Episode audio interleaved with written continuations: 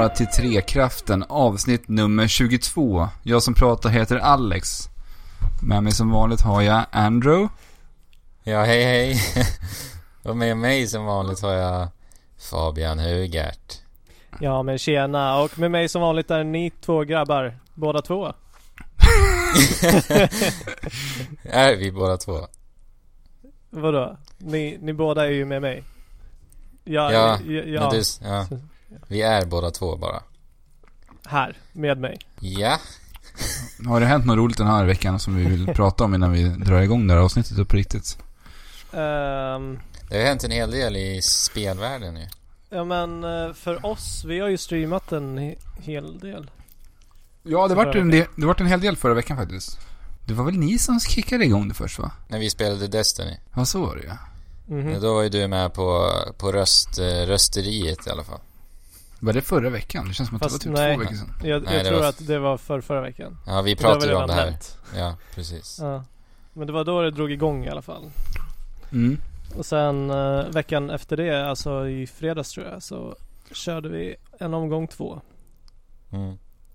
Ja, vi har kört en hel del. Det blev två dagar i rad. Jag tror det och med var tre dagar. För jag satt och streamade det här Downwell som jag pratade om förra veckan också. Ja. Ja, just det. Och sen har du streamat ändå lite Assassin's Creed Syndicate. Mm, som jag ska prata lite om sen också. Och sen så körde vi ju lite Splatoon där i, vad var det, i lördags va? Ja, nu har vi ju införskaffat en, eh, jag har införskaffat mig en eh, Elgato så vi kan fånga lite bilder från en andra plattformar än bara Xbox One och PS4. Ja, precis. Så, så lite sånt kanske vi, kommer ni förmodligen få se dyka upp här framöver också. Kanske någon YouTube-klipp. Vem vet? Teasy teasy. jag gillar att teasa har jag märkt. Ja. Kanske. Du är lite av en teaser. Du är verkligen. Det säger kvinnorna också.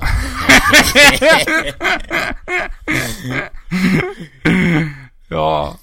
Men vad är det som har hänt i spelvärlden den här veckan? Du sa du det? Ja, Paris Games nej. Week. Ja, först och främst så är det ju Paris Games Week. Ja, det var ju här i dagarna. Jag tänkte säga igår, men det blir knas för er som lyssnar. Ja. Eh, men ja, vad fick vi se där då?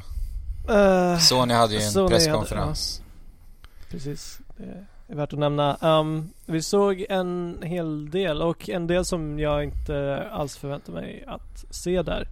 Uh, jag hade hoppats att se någonting från Santa Monica som olyckligtvis då inte hade, hade något framträdande där. Nej, jag tror de spar på det till uh, Playstation Experience. Ja. Eller jag hoppas det snarare. Men de, du då. Andrew hade i alla fall rätt kring en sak som uh, Sony faktiskt utannonserade. Du sa tidigare, i ett, jag tror du sa det med ett poddavsnitt faktiskt att Ja, det sa jag. Att Quantic Dreams skulle visa upp sitt nästa spel. Mm. Mm. Det gjorde de. Det, det gjorde de också. Det gjorde ja, de. som sagt, de, de är ju från eh, Paris. De har ju sin studio där. Så det var ju välvalt eh, tillfälle att utannonsera. Ja, kul att få utannonsera på hemmaplan också. Ja, jag menar det. David Cage och uh, Quantic Dreams, alltså de som har gjort Fahrenheit, um, Heavy, Rain, Heavy Rain. Heavy Rain. Och här senast Beyond Two Souls. Precis. Och det är väl en sån här, det verkar ju gå lite samma anda som den tidigare spelen. Det här cinematiska, interaktiva filmen i stort sett. Mm. Mm. Precis, och ni kanske kommer ihåg om ni har varit med ett längre tag när eh, PS3 visade en tech-demo.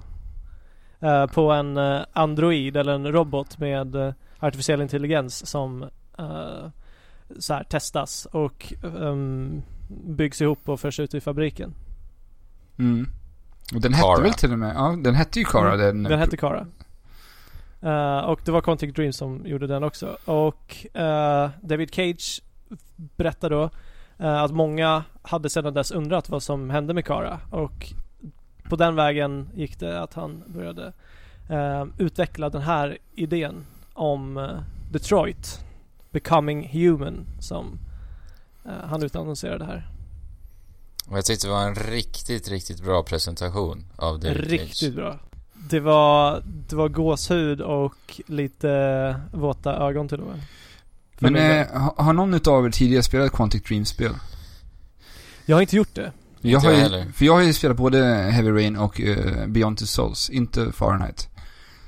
Och jag är, det, det är en ganska delad publik där. Vissa avskyr ju David Cage och jämför honom många gånger med Peter Molyneux som en stor visionär Ja. som aldrig lever upp till sina, sin hype liksom. Nej. Men jag har liksom aldrig den, den förväntningarna på honom. Utan jag tar spelarna ofta för, för vad det är. Och jag har ändå uppskattat båda spelarna. Jo, men Sen- jag tror att jag också skulle uppskatta dem. Sen håller jag nog Heavy Rain lite starkare än vad jag håller Beyond Two Souls.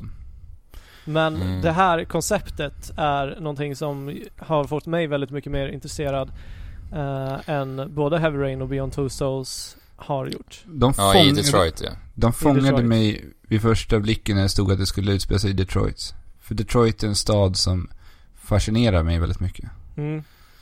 Jag vet. Eh, Just den här förfallna storstaden. Jag tror det liksom en gång i tiden var den tredje största staden i Amerika och sen har det bara fallit i spillror liksom. mm, Och det är Lite kul att... vemodigt. Ja, ja, men, Nedgång, dekadent. ja, så det ska bli jättekul att se vad man ska kunna göra för spel kring den här staden. Uh, I en fast det är, framtid inte det är inte staden som jag tror står i centrum. Inte som jag fattar i alla fall. Utan Fast snarare... jag tror det, Fabian. Eh, Hur David Cage berättade det så känns det ändå som att stadens historia ändå kommer ha påverkat hur storyn utspelar sig på något sätt. Jo, men precis. Han, d- det, det vi får se på den här cinematiska trailern ehm, och höra är när hon Kara mm, gick ut i livet eh, som en artificiell intelligens och var väldigt entusiastisk och förväntansfull. Men eh, det mesta hon ser är bara skit. För att jag upplevde lite som så att det är så att man har tagit fram den här AIn för att skapa Android, eh, ett Android-samhälle där liksom polisen inte längre är människor utan det är liksom androider som styr. Och att man har gjort det på, på så sätt för att liksom rensa upp det smutsiga i Detroit. Mm. Den bilden fick jag utav det och det är det som jag tycker verkar väldigt spännande. Och att den här huvudrollen i spelet, Själv är en android. ja, och vill ändå på något sätt försöka förstå sig på människolivet. Och sen så Mm. visar det sig att det inte är, Som hon hade förväntat sig. nej precis. Men eh, de här androiderna verkar ju vara någon form av betjänter också. Till Ja. mänskligheten. Om vi går tillbaka och kollar på den här tech-demon så är det ju det hon ska vara. Hon ska vara någon typ av eh, hemmarobot som ska laga mat, ta hand om ungarna, får användas sexuellt också.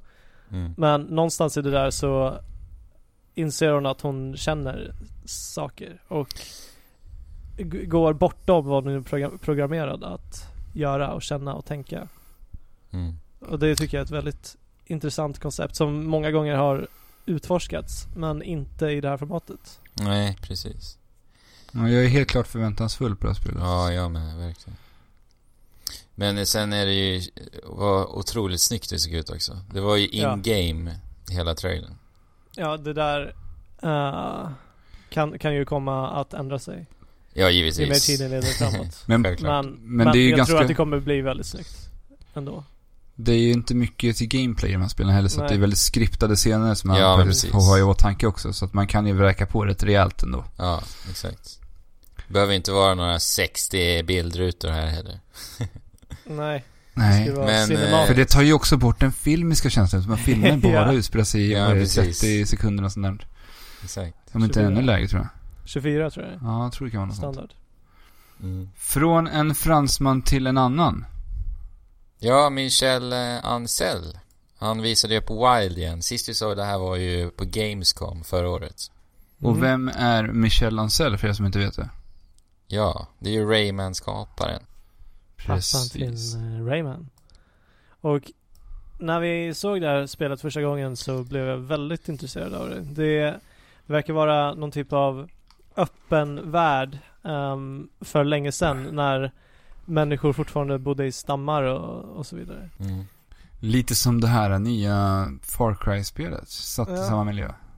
Ja, lite. Horizon. Som sagt, vi har ju sagt det tidigare, men är det någon trend här kanske? Nu har vi ju sett eh, lite hur det spelas. Ingående.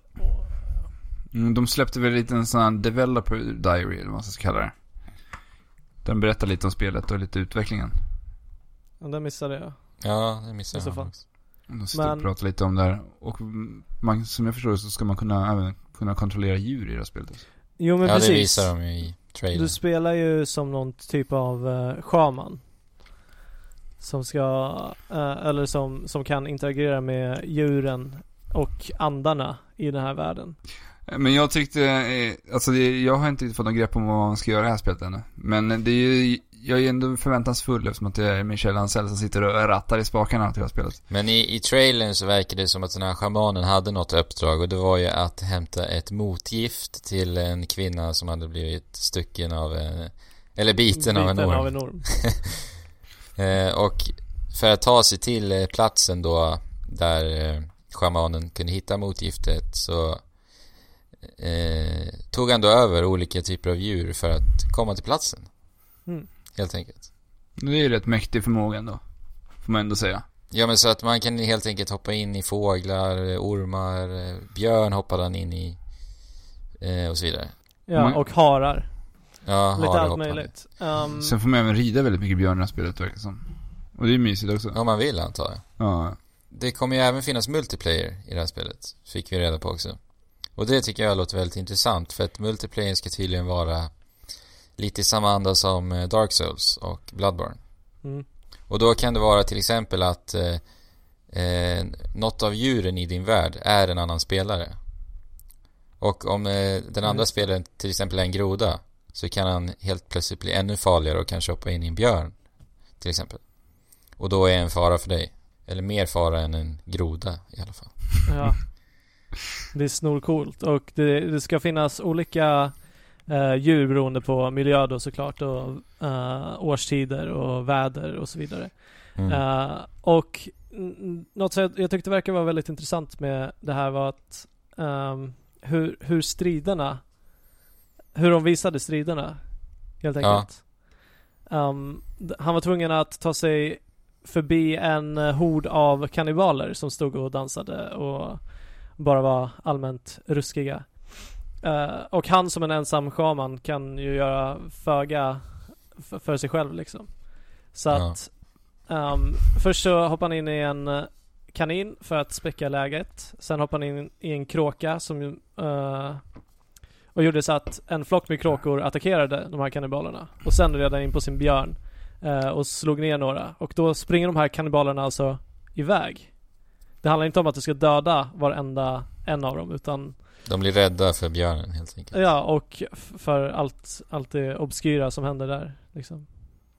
Och hoppas det, att det det är är så. vi ser, ja. Det är ingenting vi ser så ofta i spel att eh, folk blir rädda när de borde bli rädda egentligen. Nej. Nej, jag Jag hoppas att det är något. så i, i genom spelet och att det inte bara Ja. var nu när de visade upp det, så att säga. Men jag tror att det skulle vara, alltså huvudfokuset i det här spelet skulle ligga på multiplayer. Ja men det trodde jag också. Jag för mig att de Jag sa fick- det vid första ut- utannonseringen av det här spelet. Men det kanske har förändrats med tiden. Det kanske Ja, var jag man vet tror, man kanske fick den jag- uppfattningen. Jag fick det intrycket av Ja, trailern som visades. jag tror inte vi har fått, det var väl nu egentligen vi fick mer information egentligen. Ja. Egentligen, Men- egentligen, egentligen. Men, till den stora frågan, fick vi något datum då? Nej. Såklart inte. Han jobbar ju på det här på en ny studio. Han har Ja, ju, hopp, han har ju skippat, Ubisoft. skippat Ubisoft nu. Nej. Han Mm. håller på med ett Ubisoft-spel också. Ja, men då så. Då är Vilket inte kan hoppet... det vara? Ja, Oj, han, kan det Oj. vara? Kan det vara Beyond, eh, Beyond Good and Evil 2? men det är helt otroligt den där historien om det Ja. spelet. Varför, alltså att utannonsera ett spel för att sedan aldrig visa det eller ens säga någonting om det överhuvudtaget. Ja. Alltså inte ens, nej men tyvärr det kommer inte, har han sagt liksom. Alltså det är så konstigt. Hoppet finns kvar. Ja, det Ja, gör det det. Sen fick vi se lite mer eh, av Media Molecules nya spel. Eh, de som har gjort Little Big Planet och Taraway. Mm. Eh, Dreams heter deras nya projekt. Vi fick ju se det på E3 och intrycket var väldigt diffust. Men här fick vi lite mer ingående inblickar på hur, hur det kommer spelas och vad det kommer vara för typ av spel. Ja, precis. Det verkar ju vara lite i lite Big Planet-andan att eh, skapa helt enkelt. Det handlar mest om att skapa en Mm. värld eller ett spel. Vad jag fick intrycket av. Ja, precis. Jag, jag, jag förstår fortfarande inte riktigt hur det här spelas. Men det verkar som att du kommer till vissa platser där du kan interagera med eh, omgivningarna och till och med skapa om omgivningarna. Mm. Och alla de här miljöerna är väldigt eh, så här, drömska på något sätt. Det, det, det, är, Och det har de verkligen det, det är så absurt och konstigt. Ja, och den, den känslan ligger tungt över det här Ja, rikt-. Riktigt bra känsla faktiskt. Men det är lite, i Tearaway så gjorde man ju lite sådär att man formade lite världen hur man, hur Mm. man eh, designade den med den här platt, touchplattan då. Mm, Det är någonting precis. man kan faktiskt bygga vidare på rätt mycket och göra mycket mer intressanta grejer. Ja men det, det känns ju lite som att de har idéer ifrån både Big, Little Big Planet och Tearaway. Kanske Ja. blir det här fulländade spelet. Ja, kanske. Alltså på något sätt så känns det inte s- jättemycket som ett spel. Eller det, det Nej. det känns så annorlunda. Den bilden har jag också fått faktiskt. Det känns Fast- inte riktigt som ett spel. Fast det är ju ett spel också. För att du, du kontrollerar ju karaktärer och går runt i en värld och löser problem. Och eh, sen så kommer ju säkerligen Media Molecule ha sitt egna äventyr. Så som de har med Little Big Planet. Jo, jo, det tror jag. Som, ja. Eh, Men eh, det är lite häftigt också att med Dreams kan du nu också exportera eh, allt du skapar i spelet till andra program.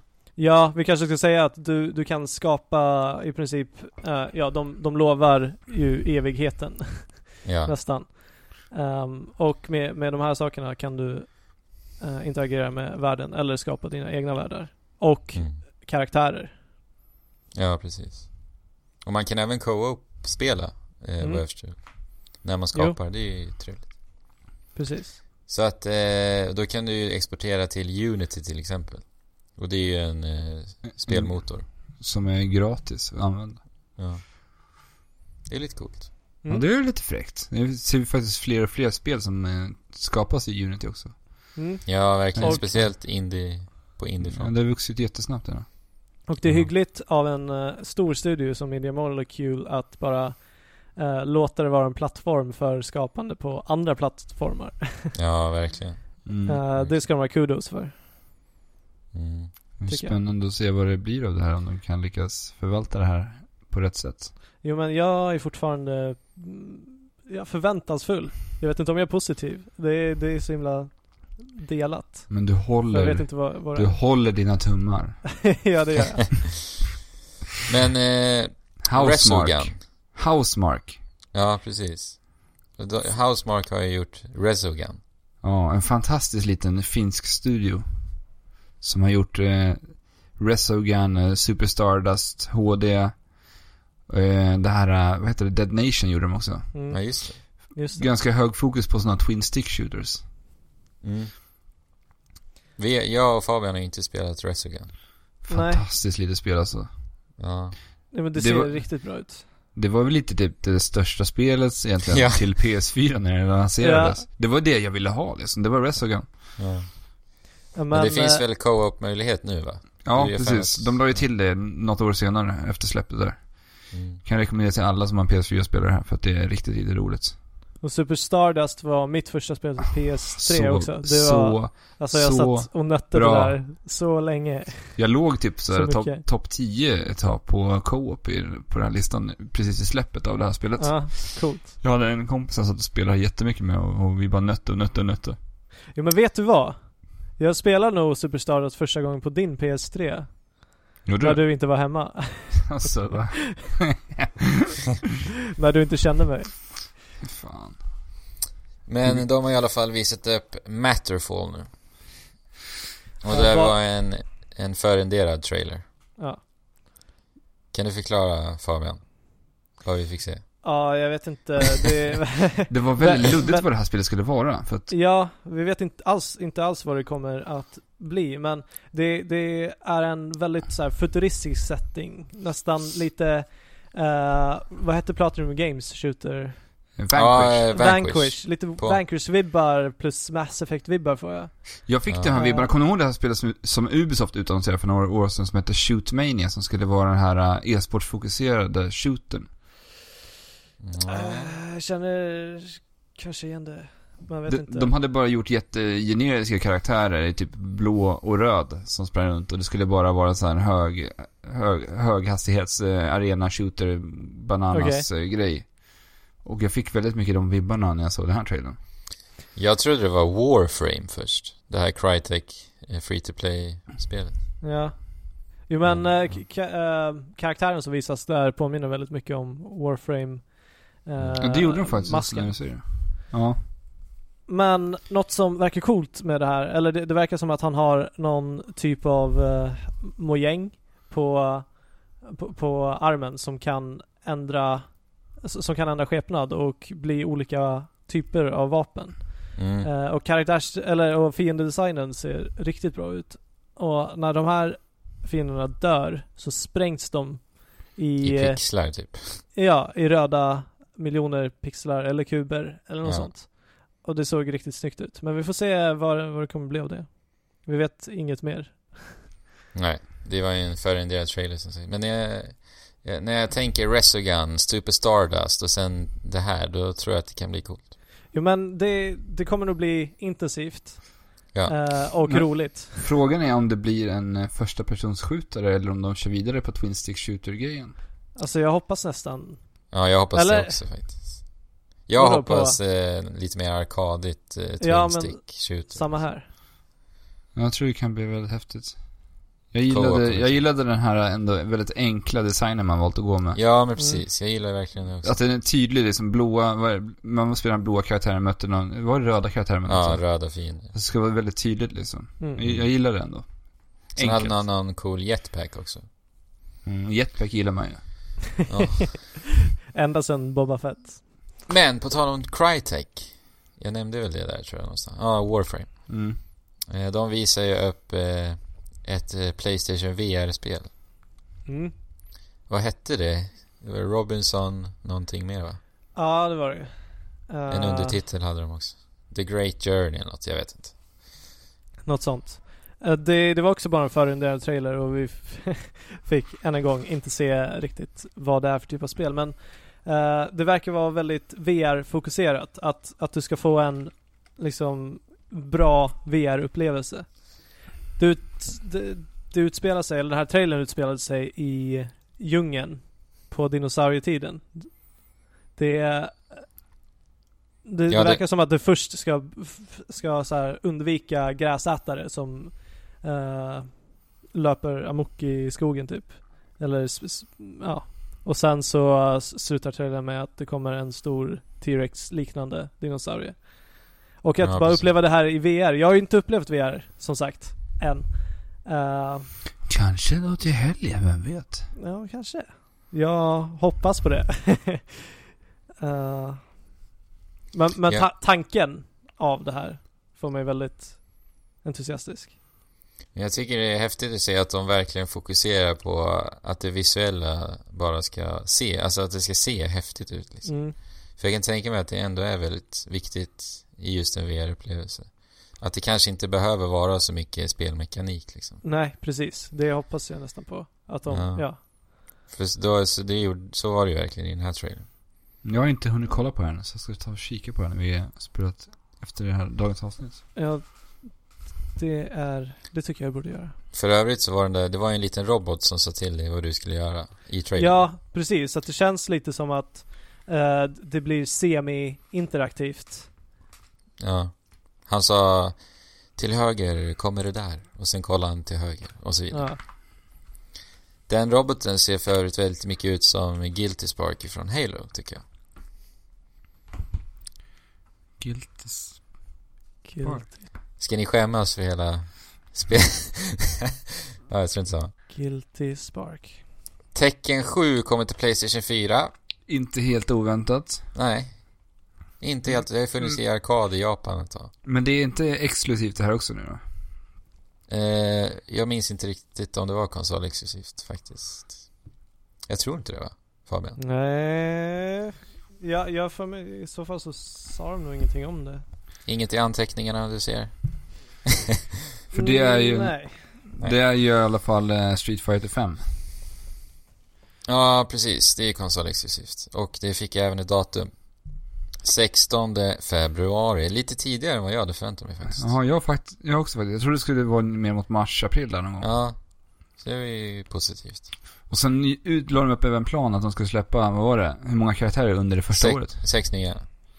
Och det är ju väldigt roligt. Jag tycker om den här grejen då, då att man kan, att man lägger upp en plan.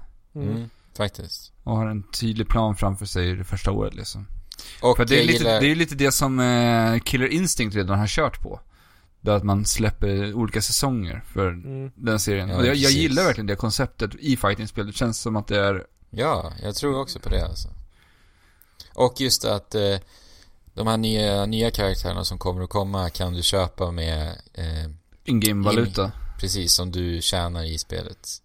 Eller då så kan du köpa dem med pengar som vi har tagit upp. Och där får vi slänga upp våra tummar i luften för Capcom. För att, Ja, om, vi minns för att, några, om vi minns för några år sedan de släppte Street Fighter Cross Tekken. ja, Så vart det en jättedispyt där kring att de hade skickat med, eller det var dolt DLC på skivan vid släpp. ja, just det, just det. Och det vart ett jäkla ståhej kring det här. När folk hittade det här på skivan. Mm. Och vi skulle behöva gå och betala en massa pengar för något som redan existerar på skivan. Mm. Men sen har ju Capcom varit väldigt snälla med sådana här DLC-material till oss. Jag menar, de släpper gratis DLC till eh, Monster Hunter. Mm. Oj, oj, oj, ja. Och det möjligheten att kunna låsa upp karaktärer i Street Fighter 5 för in-game valuta. Men om du är lat och inte har ont om tid, då får du, då får du betala för det. ja. Men jag gillar verkligen att de har en plan att det ska komma sex nya karaktärer för att då förmodligen då hinner du ju tjäna upp de här pengarna i spelet för att sedan köpa en karaktär. Så efter den första karaktären kommer så vet vi vad den kostar va? Sen kan man då bygga upp sin lilla bank tills nästa kommer. Förstår ni vad jag tänker? Ja. Ja, Det är bra. De visade Dalsim också. Som Han hade, blivit grå och skäggig. Det hade väl läckt ut några dagar innan också vet jag. De hade hittat Ja. i någon... eh, ja. Och det, det hanterar de jättebra. Eh, De, de Ja. skämtade om att det hade läckt och gjorde, gjorde någon liten show där. Ja precis, sen sa de eh, Och för att komma med en nyhet i alla fall som inte har läckt så ska vi visa den sista karaktären i spelet för det är en som inte har blivit utannonserad än. Men då kom Tecken-producenten upp och visade Ja. Tecken 7 istället. Frågan är, kul. Frågan är när han egentligen eh, ska visa upp Street... Nej vad säger jag? Tecken Cross Street Fighter. För de säger ju fortfarande att de håller Ja, på med de här jag, trodde nästan att det var det de skulle visa faktiskt. Men det var det Men, inte. det- men det var han, det var Yoshinori Ono som var uppe på scen då. Ja, För, ö- ja, och för övrigt hade han en helt fantastisk liten eh, Blanka huvudbonad på sig. Hade han Blanka med sig också? Han brukar alltid släppa med honom. Nej, Nej, hur ska man förklara vad han hade på sig? Alltså ja. jag vet inte men, men det var, vad heter det? Det var ett diadem med fjädrar på som stack upp eh, med, jag vet inte alls vad det var Typ på ankor topparna. eller något. Typ ankor Ja. som svingade fram och tillbaka. Och han Ja. var jättemysig och Han är en jättecharmig liten japan alltså. Ja. Jag Ja, tycker om verkligen. honom. Ja, verkligen. Jättetrevlig presentation. No Man's Sky. Är ni supertaggade? Det var ju, det ryktades ju om att det skulle släppas nu efter presskonferensen, gjorde det inte det? Jo, det kom ut några rykten. Det läckte ut någonting. Men vad Men det är var det ju för bara- skit alltså? Bara falska Ja, rykten. vilket Ja. skitrykte egentligen. Ja. Vem, vem sitter där och bara, ja, ja. Men det det, var bara en spekulation som gick överstyr. ja. Men det kommer i alla fall 16 juni 2016. Så att eh, ett drygt år, nej ett knappt år kvar. 2016 ser riktigt eh, bra ut för Sony alltså. Mm. Sony, Sony har mycket Framför sig. framför sig. De har ju även... Vad sa du för mig? Vi fick ju se Ratchet and Clank lite, lite mer också. Ja, de släppte en ny trailer. Eh, och det- Jättefint. ja. Det borde också komma någon gång i början av nästa år, tror jag. Det är för mig att de sa det sist. Sen fick vi se lite Uncharted 4 multiplayer. Jätteointressant för min del. Eh, en massa VR-grejer som eh, inte såg jätte, alltså det, det enda VR eh, saken de visade var Robinson som jag tyckte var intressant. Sen det här Valkyrie tror jag Ja, Eve. Eve Valkyrie. Mm. Men det känns så svårt att demonstrera ett VR-spel också. Ja, när man inte verkligen. kan uppleva det till fullo liksom. Nej, precis. Eh, vi fick se lite Gravity Rush 2. Det, blev, det. det tyckte du om, Andrew?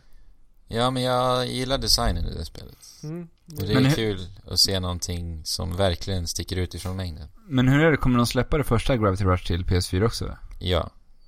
Det är ju jättebra ju. Mm. Mm, då Jag kommer jag äntligen det. få spela det. Mm. Och eh, lite mer om Horizon. Ja. Och de sa angående VR sa de att 200 eh, utvecklare arbetar med VR-spel. Nu. Så de satsar stort på sitt VR-projekt. Ja, det gör de verkligen. Men hade du blivit glad för en prissänkning på VR då? En prissänkt när, innan det ens har kommit ut. dina, dina övergångar.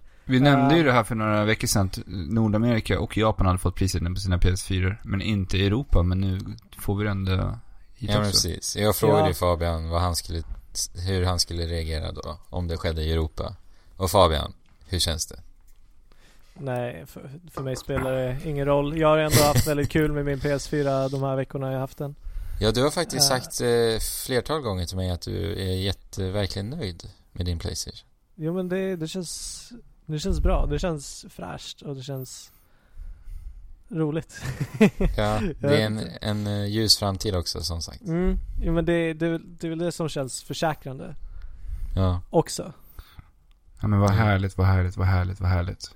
Ehm, Men sen kanske veckans största nyhet då. Batman. Arkham Knight. Spelet- Släpps äntligen till PC. Jag vet inte, jag höll på att säga Playstation. Det, det är ute nu när ni det lyssnar på detta. alltså. Ja. Så ni som köpte det i somras, nu kan ni äntligen spela ert spel. ja. alltså Grattis bli, får vi säga. det ska bli intressant att se hur det kommer lämpa sig. Ja, verkligen. Det vore lite roligt om det blev kaos. Mer, mer, mer knas. Ja. Och sen eh, The New Xbox One Experience med bakåt kompatib- kompabilitet heter det. Släpps den 12 den november. 12 november. Och det... De kommer ju fina till gränssnittet lite. Eh, För det här är faktiskt någonting jag... Jag satt ju med en Xbox One för första gången då när våran inneboende köpte den här om veckan. Och eh, oj vad krångligt det är. Mm. Jag hittar ingenstans nästan. Det är självklart en vanesak också men det känns verkligen väldigt rörigt. Ja med tanke på hur eh, lätt navigerat det var på 360 Ja, så men tycker jag att de precis. verkligen har rört runt det på Xbox One. Ja, jag kunde till och med inte ens hitta vart jag läste om mina achievements. Jag förstod inte riktigt vad man gick in i så här grupp partychatterna. Jag- Vart jag hittade det- vänner, ni vet. Det var jätteförvirrande faktiskt. Det är ju verkligen inte ett, en in, in, intuitiv layout. Nej. Men nu med nu Xbox Experience så ska det här vara åtgärdat. Och jag tycker det, det ser bättre ut, gör det. Men det är nu de gör den här uppdateringen där det ska likna Windows 10 lite mer eller? Alltså, helt, jag förstår inte riktigt vad de menar med det alltså. För att det, vadå, ja, det kanske ser lite ut som Windows 10 men... Nej men alltså, jag, jag förstår inte riktigt. Alltså det ser ut som en Xbox eh, dashboard liksom. Det är lite, det ser lite mer lätt navigerat ut i alla fall. Och det är, Det är positivt. 12 november så kan ni spela eh, 360-spel också. Ja. Härligt. Ka- kanske ni får uh, användning av er Xbox One. Ja men, Halo 5 är ute nu. ja, det är sant. Förlåt mig, Xboxare. um, eh, men en eh, väldigt trevlig nyhet är att Mario Maker får äntligen checkpoints. Och det har vi ju saknat jätte, väldigt jätte, mycket. Jättebra. Vi Ja, kan inte ha ett Trekraften eh, avsnitt utan lite applåder. Nej. Så tacka Va? för de applåderna. Ja. Nej men det här är ju verkligen, om det var någon ändring de, jag ville att de skulle göra först, då skulle jag säga checkpoints. Ja. Och det fick vi ju först också. Så Mm. vi har nog ganska många spännande uppdateringar som kan komma efter det här också. Ja! Ja det jag ska hoppas bli det. så Alltså backarna, spännande. vart är backarna? Slopesen, ja, Ja. precis. Alltså det, då kan man göra riktigt häftiga banor alltså. Ja. Shit. Men i den här uppdateringen så kan man även lägga, om du lägger en svamp på en eh, eh, fireflower, alltså en, Mm. vad säger man? Eldblomma. Eldblomma, ja. eh, om du är liten Mario och hoppar upp på det blocket då, så blir det svamp. Är Ja. du stor får du blomman. Ja, det, det tyckte jag var jättekonstigt att det inte fanns med nu. Ja. Men du ser, de fixar, de fixar Ja. va? Och det är ju toppen. Lite svårare flygminispel fick vi också. Sen kommer det även komma officiella Nintendo-banor. Det är Lite jätte, jätte, Med jättebra. jämna mellanrum. Ja, det är kul. Och sen kommer det finnas något event som vi inte fick någon information utav. Nej, men om man kollar på de här videorna visade så ser man ju att det så, står sådana här mystery mushrooms bredvid. Så att jag antar att man låser upp speciella mystery mushrooms när man klarar av de här eventen. Ah, Mm. cool. Men de säger ingenting om det, men de man ser att de finns där i menyn i alla fall. Så Spännande. ja, absolut, verkligen. Och det här släpps ganska snart va? 4 november. Ja, och det är inte långt kvar ni där ute. Så jag blev faktiskt sugen på Mario Maker igen. Jag har ju varit lite såhär, nej, nej. Men, Men nu, eh, nu är det bara tummarna rakt upp i luften och nu kör vi. Nintendo har varit oerhört bra på att eh, uppdatera deras spel på senaste. Mm. Ja, 2015 är ett bra år för dem. Men de producerar inga spel, men jävla vad de gör DLC och uppdateringar. Välkommet. Tror ni att de kommer komma med lika många uppdateringar till deras eh, mobilspel? det hade ju varit, eh, ja. Vänta, får jag säga det här nu? Du får säga det. Tatsumi Kimishima. Ja, Ja, ja. du klarar det. Det där var Um, en till alltså. Var, var det idag han, eh, han uh, sa till uh, Ja, Wall Street ja det Journal? var nog idag. Wall Street Journal. ja, Uh, var det idag han sa det? Så jag vet, alltså jag igår. tror det. Alltså i onsdags. Det var någon dag han sa det. Ja, ja. Det Um, var eh, innan ni lyssnade på det här sa han det i alla fall. I alla fall, det här blir lite konstigt för att han, han ha- ska ha sagt att deras första mobilspel ska komma imorgon, eller på torsdag. Så Alltså, när ni lyssnar på det här så vet ni förmodligen vad mobilspelet är. Ja, men vi har ingen aning just nu. nej. Och det, jag är så otroligt förväntansfull, för jag hade inte hört om det här. Ni berättar precis när vi sätter oss och poddar. Ja. Ja. Jag, jag, jag är jätte, jättepeppad alltså. ja, det ska bli otroligt, otroligt intressant faktiskt. Ja, Det är verkligen intressanta tider på Camp Nintendo nu. Det är det verkligen. Eh, och eh, en annan intressant sak som Kimishima har gått ut och sagt är att eh, det kommer att komma en ny Direct innan året är slut. Nintendo Direct. Ja, och vad visar de där då? Ja, det får vi se. Mm. Twilight Princess HD, kanske? Men då får inte vi titta. Vadå då? Har vi, har vi berättat om våran deal? Att aldrig titta på Zelda? Att inte säga någonting om Zelda? Nej, det tror jag inte vi har gjort. Jag tror inte vi har gjort det. Nej. Nu säger vi det. Jag och Fabian, som sagt, får inte titta på Zelda Wii U någonting överhuvudtaget. Ända tills vi har det i våra händer. Precis. Och Fabian, vad har vi för straff om vi gör det? Um, den som har tittat, alltså det här handlar om att eh, den ska ha tittat medvetet Ja, precis. på någonting. Ska köpa det till den andra. Och då ska det vara limited edition utgåvan. Ja. Den dyraste. Men om ni råkar se spelet då, hur gör ni då? Då, ja, men då är... Alltså vi, vi har så här om, om de gångerna jag har råkat se lite har jag bara klickat bort det snabbt. Så fort jag bara kunnat liksom. Ja. Vi får respektera varandra och tävlingen. Ni har ingen maxgräns om ni råkar titta 10 sekunder så är det körda liksom. Ni har det. Tittar ni 11, Nej, eller ni har den här 10 sekunder som max liksom. Sen så, över 10 då är det bara, Det är ganska svårt att... eh, ja, ni får vara beredda att klocka hela tiden alltså. Eller räkna. Så fort ni börjar se det då bara, ett, En, ett, två. två, tre. Ja, men ska vi ta Ska en vi- liten... En liten En liten- parre kanske? Ja, och sen beger vi oss ut i rymden. Sen ska vi prata lite Halo 5 bland annat. Så eh, häng kvar.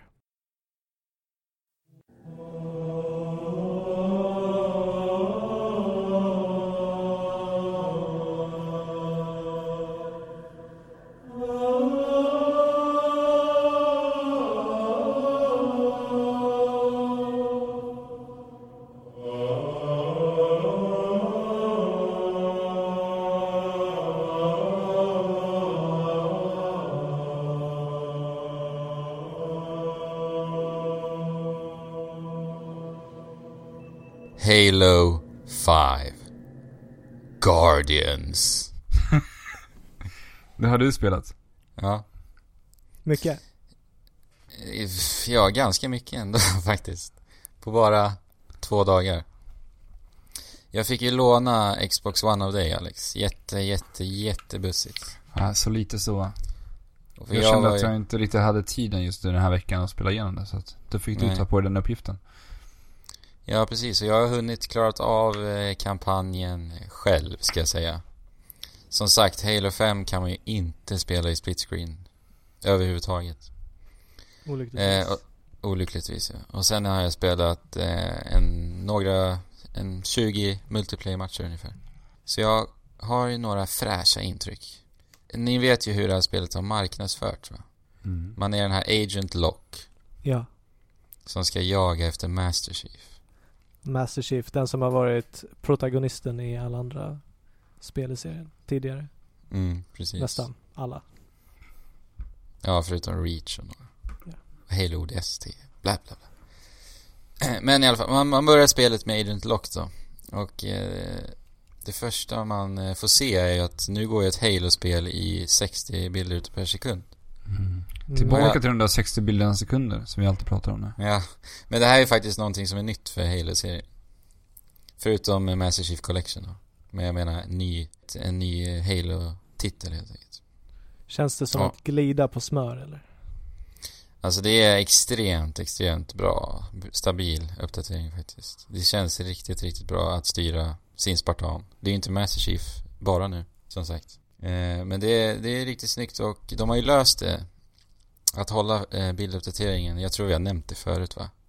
Ja, jag tror det. Att de har en eh, Dynamic Resolution. Alltså att bildupp, eh, skiftar helt enkelt för att hålla en stabil uppdatering. Och sedan har eh, fienderna, eh, säg en 20-30 meter framför dig. De går i en lägre FPS också. Mm. Det är ganska besynnerligt i ett eh, FPS-spel. Mm. Vi har sett det tidigare en del. Ja, i till exempel Dark Souls. Ja. Det är, lite, det är faktiskt lite märkligt i början när man ser att de nästan så hackar fram eh, längre bort när du siktar på dem. För det gör man ju. För i Dark Souls till exempel så måste du ju gå fram till fienderna. Och då är det ju vanlig FPS så att säga. Men här så ska du ju då sikta på de som är där borta. Det känns lite märkligt i början men det är ingenting jag störde mig på allmänt så utan det, man vänjer sig ganska snabbt med det. Nej. Jag Ja. minns när jag spelade det här Dark Souls på 360 så upplevde jag det här för första gången. Och då kändes det som när man tittade på karaktärer långt bort. Alltså, så det var lite som en stop motion Ja men precis. Ja. slippet liksom. Det är så det känns i det här. Det är lite märkligt. Eh, ljudet är också helt fantastiskt. Det är jättefina ljudeffekter. eh, Mm. Och eh, till exempel när man, det är väldigt så här familjära ljudeffekter. Så till exempel när man gör ett headshot så är det ett, ett ljud som du känner igen. Och till exempel när man spelar multiplayer så, hör, så fort du hör det ljudet så vet du att du har fått ett headshot. Man behöver liksom inte titta om man har fått någon medalj eller liknande. Det Du tycker känner- jag. du känner det är det liksom. smart. Ja, det är smart. Riktigt smart. Det känns väldigt bra också. Ja, men det, det är snyggt när man liksom kan skapa den där bekräftelsen genom bara ljud. Ja, Faktiskt. jag gillar precis. den grejen. Att man får det bekräftat på så sätt istället för att det ska poppa upp massa text över hela skärmen. Mm. Verkligen, det, det tycker jag också. Som sagt, jag spelar igenom kampanjen. Kampanjen har ju varit, eh, för mig, eh, någonting jag verkligen har tyckt om med eh, Halo-serien överlag. Jag tyckte att det har haft en väldigt intressant eh, berättelse. Men Mm. eh, hur, ja, det tänkte jag komma till. Har- Är du insatt liksom i Halo-sagan liksom någonting? Ja, men det skulle jag säga. För att jag har ju aldrig spelat det för att brytt mig om storyn. Jag tycker att den har känts ganska ointressant ändå. Alltså jag tycker Oj. att det har varit ett roligt spel bara. Och sen har jag inte Mm. brytt mig direkt om vad det handlar om. Men, Men samma alltså, jag- här. Jag tror att anledningen till att Halo är så stort, tror jag är ändå mycket för att de har en väldigt, väldigt bra och välskriven story. Men också ett fantastiskt eh, spel. Ja, och att du nödvändigtvis inte behöver engagera dig i storyn för att tycka det Är bra. kul. De, de, de liksom komplementerar varandra men behöver inte varandra. Ja, precis. Och här tycker jag tyvärr att Halo 5 faller ganska mycket på storyn. Mm. Den känns... Eh, Otroligt ointressant. Ingen spänning överhuvudtaget. Finns ingen mystik kvar. Vilket har funnits väldigt mycket i alla Halo-spel. Till och med Halo 4 tyckte jag. Eh, och sedan har vi nu eh, fyra spartaner i en grupp som kallas Fire Team Osiris. Sedan ha, har vi fyra spartaner i en grupp som kallas Blue Team. Blue Team leds av Master Chief. Eh, Fire Team Osiris leds av Agent Lock då. Agent Lock ska jaga efter Master Chief. Och... och eh, Är, det, är det liksom hela, hela plotten? mm, I stort sett skulle Ja. jag säga det. Jag vill inte spoila någonting här.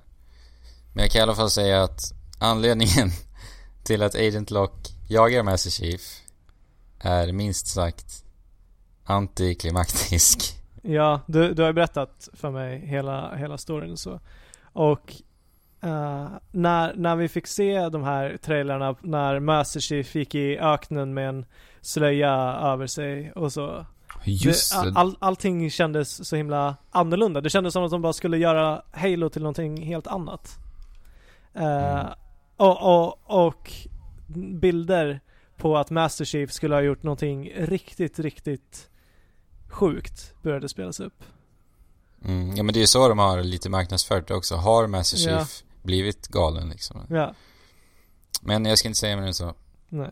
I Halo 4, eh, den storyn var ju väldigt eh, fokuserad kring eh, Cortana och eh, Master Chief, deras relation. Mm. Och det tyckte jag ändå var väldigt int- intressant till en början. Sen eh, slutet är en annan historia. Men det, här, det fanns ändå en mystik och en spänning genom hela det spelet. Just att vi kom men till den här for, Forerunner-planeten och så vidare. Ja, Eh, men i det här spelet så karaktärerna bryr du inte ett skit om. Då, Spartan, eh, det här Fireteam Osiris som leds av Agent Lock är extremt ointressant och det Mm. finns liksom inga karaktärsbyggen överhuvudtaget utan dialogerna du hör i spelet när du spelar handlar enbart om uppdraget. Vad uppdraget du gör. och några, och några klyschiga one-liners här och där. Ja, oh ja. Det är one-liners heaven. Nej, jag har aldrig facepalmat så mycket när jag spelat Halo. Som Har du någon one-liner du kan bara slänga in här nu eller? Ja, det... Uff, den här har man sett i många trailers tror jag. Eh, det är en spartan som heter Buck som säger till Agent Lock då. Lock, I'll buy you a drink when this is over. Typ något sånt säger han. Och sen är jag lite cool så lägger han eh, sin pistol på ryggen och ser lite häftig ut. Och det roliga med just den här linen är att de spinner vidare på, spinner vidare på den två gånger i spelet. Så det blir bara facepalm. Det bara smack, det blir trum, trumkom på pannan alltså. Nej men det, då- överlag så känns det här extremt eh, blockbuster. Väldigt klyschigt och det är inte alls mig, faller inte alls mig i smaken. Hur de har tagit storyn. Tyvärr. Och hur de, hur de har valt att gestalta de här spartanerna som har varit allt annat än eh, ja, generiska amerikanska Soldater. soldater. Nej men verkligen alltså, hur kan en spartan gå, gå omkring och säga så här? Jag menar en spartan har haft kanske det hårdaste livet man kan ha. De har blivit kidnappade vid, vad är det, fyra, sex års ålder. De har blivit genetiskt modifierade. Deras, det enda de vet är att döda liksom. Och det, det är det jag tycker har varit så bra med hur de har gestaltat Master Chief. Genom alla spel. För han har ju verkligen Mm. känts iskall liksom. Ja men verkligen. Alltså musiken kring honom har varit intressant nog. Ja. Det låter Så- inte som att det här var den största jakten i spelhistorien. Absolut inte. Som Nej. sagt, det var, det var så antiklimaktiskt. Oj, oj, oj. Men, alltså jag låter ju väldigt negativ till storyn, och det är jag. Men det är otroligt, otroligt roligt att spela faktiskt. Mm. Men, Jag gillar verkligen nyheterna. De flesta nyheterna handlar ju om eh, rörelsemöjligheterna som man har. Du kan dasha till exempel åt eh, alla håll. Sen kan du göra en ground pound ifrån luften, kan man väl kalla det. mm. Ja, den ser ju rätt fräck ut faktiskt. Mm. Så man kan hoppa upp i luften och chargea neråt och spränga lite. Men är det så att man equippar olika abilities man har Nej. eller? Det gillar jag så mycket med det här också, att du har allting. från start. Mm. Och eh, det roliga med de här nyheterna är att det känns som att de är väldigt relevanta och användningsbara till olika situationer. Så du får vara lite kreativ själv och nästan komma ihåg att du har de här nya nyheterna. Ja, jag älskar den. Jag älskar, Ja. jag älskar sådana tillfällen. Så det är riktigt. Sen när man kommer på, just det, det här kan jag göra nu. Det hände faktiskt flertal gånger i, i kampanjen.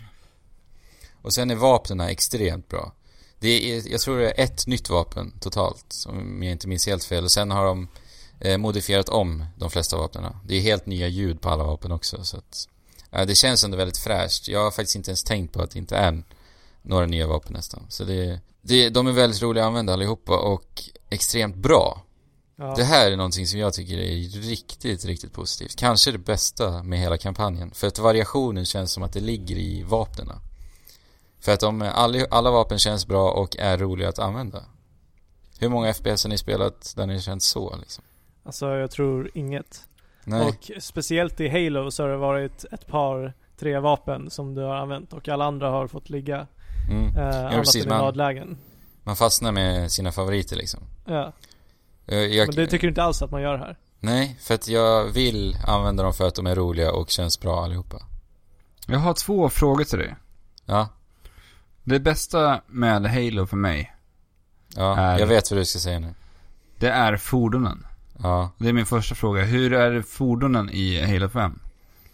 Hur Alltså kul i är det här? kampanjen, ja i kampanjen eh, så är det här inte riktigt bra alltså. Det är alldeles för lite fordon tycker jag. Och Halo för mig är ju också jättestora öppna banor. Ja. Åker Ja. runt med fordonen. Det är lite små fighter överallt nästan, eller hur? Ja. Det är Så liksom vi- inte fokuserat på ett, en, ett slagfält utan det är lite utspritt så. Vi hade ju fantastisk tid när vi begav oss ut i Halo 3 och, och Ja. spelade med våran lilla Halo 3 hittepå-klan som vi hade. Ja, Warthog killas. Ja. Eh, så att det är lite tråkigt också faktiskt med Halo 5 Guardians att eh, det är inte sådär extremt öppna, stora banor. De är väldigt stora. Men de är... Det är mer att du kan ta olika vägar. Jag vet inte riktigt hur jag ska förklara. Jag tänk... Om du går... Tänk dig att du är i en kanjon, säger man så på svenska? Ja, jag tror man kan säga canyon. Men Ja. canyon. Canyon. Ja. Man är i något Grand Canyon liknande ställe faktiskt eh, i spelet. Och där, det är en väldigt stora öppna banor men gångar, det, sen är det gångar liksom i kanjonerna. Jag, Så- alltså det här blir jättesvårt att förklara för mig. Jag vet inte Ja, men ehm, banorna är eh, linjära. Men eh, det finns flera vägar som leder till samma... Ja, precis. Ja, typ. Ja. Det känns ändå som att det blir en corridors shooter även fast banan är stor. Jag vet inte riktigt. För att fienderna liksom ramas in av omgivningen ändå, på något vis. Även Okej. fast banan liksom är så... Det är mer vertikalt, det är nog det jag vill säga. Det är mer vertikalt än vad det är öppet. Okej. Så att, för man kan ju också klättra över eh, objekt och så vidare. Men hur, hur känns det då i, i en Halo Shooter? Om, om du vill ha öppna banor men istället får vertikalitet. Ja, jag föredrar ju öppenheten faktiskt. Så det är som sagt är en liten besvikelse också att det inte är så där öppet. Och inte så mycket fordonfighter. Fordonfighter. kan du Ja. inte släppa en fordonfighter? ja. Du får spela det här, spela det här free to play-spelet men åker ut i tanks istället. Ja, just det. World of Tanks eller? Ja, det är det är jättestort att spela alldeles, det är så märkligt Ja. alltså. Men eh, sen börjar jag ju bli lite trött på att skjuta kovenanterna alltså. Ja. Hur många Ja, gånger har vi gjort förklara. det nu? Alltså, Men jag hade en annan fråga också, jag vill bara dra den snabbt. Ja, ja. När vi ändå pratar om skjuta kovenanter. ja. Det, det finns ju ett vapen som jag bara älskar med det här spelet. Och Mm. det är Battle Rifle. ja. Hur fantastiskt är Battle Rifle i Halo 5? Den är riktigt bra faktiskt. Det konstiga med den dock är att den känns som en DMR. För Battle Rifle det är ju tre skott ni vet. Mm. Eh, som burstar sådär. Och DMR är ett skott. Men Battle Ja. Rifle känns precis som DMR att det är ett skott. Fast när man kollar upp i högra hörnet och ser ammunitionen så är det tre skott som försvinner. Det är väldigt konstigt. Men den känns ju bra i alla fall. Och det låter riktigt bra som sagt. Alla, alla vapen. Eh, men eh, ja, konvenanterna. Jag är lite trött bli på gammalt. skjut. Ja. De roligaste fighterna i femman är faktiskt när man möter de nya fienderna, Prometheans. Eller de var ju i, i fyran också. Jag gillar verkligen designen på dem. Och det är en ny eh, fiende ifrån den rasen då, Som är riktigt häftig. Så de, de fighterna gillar jag bäst. Men du, du förklarar för mig hur eh, konvenanterna alltid står uppställda på ett visst sätt som har ja, blivit väldigt förutsägbart genom åren.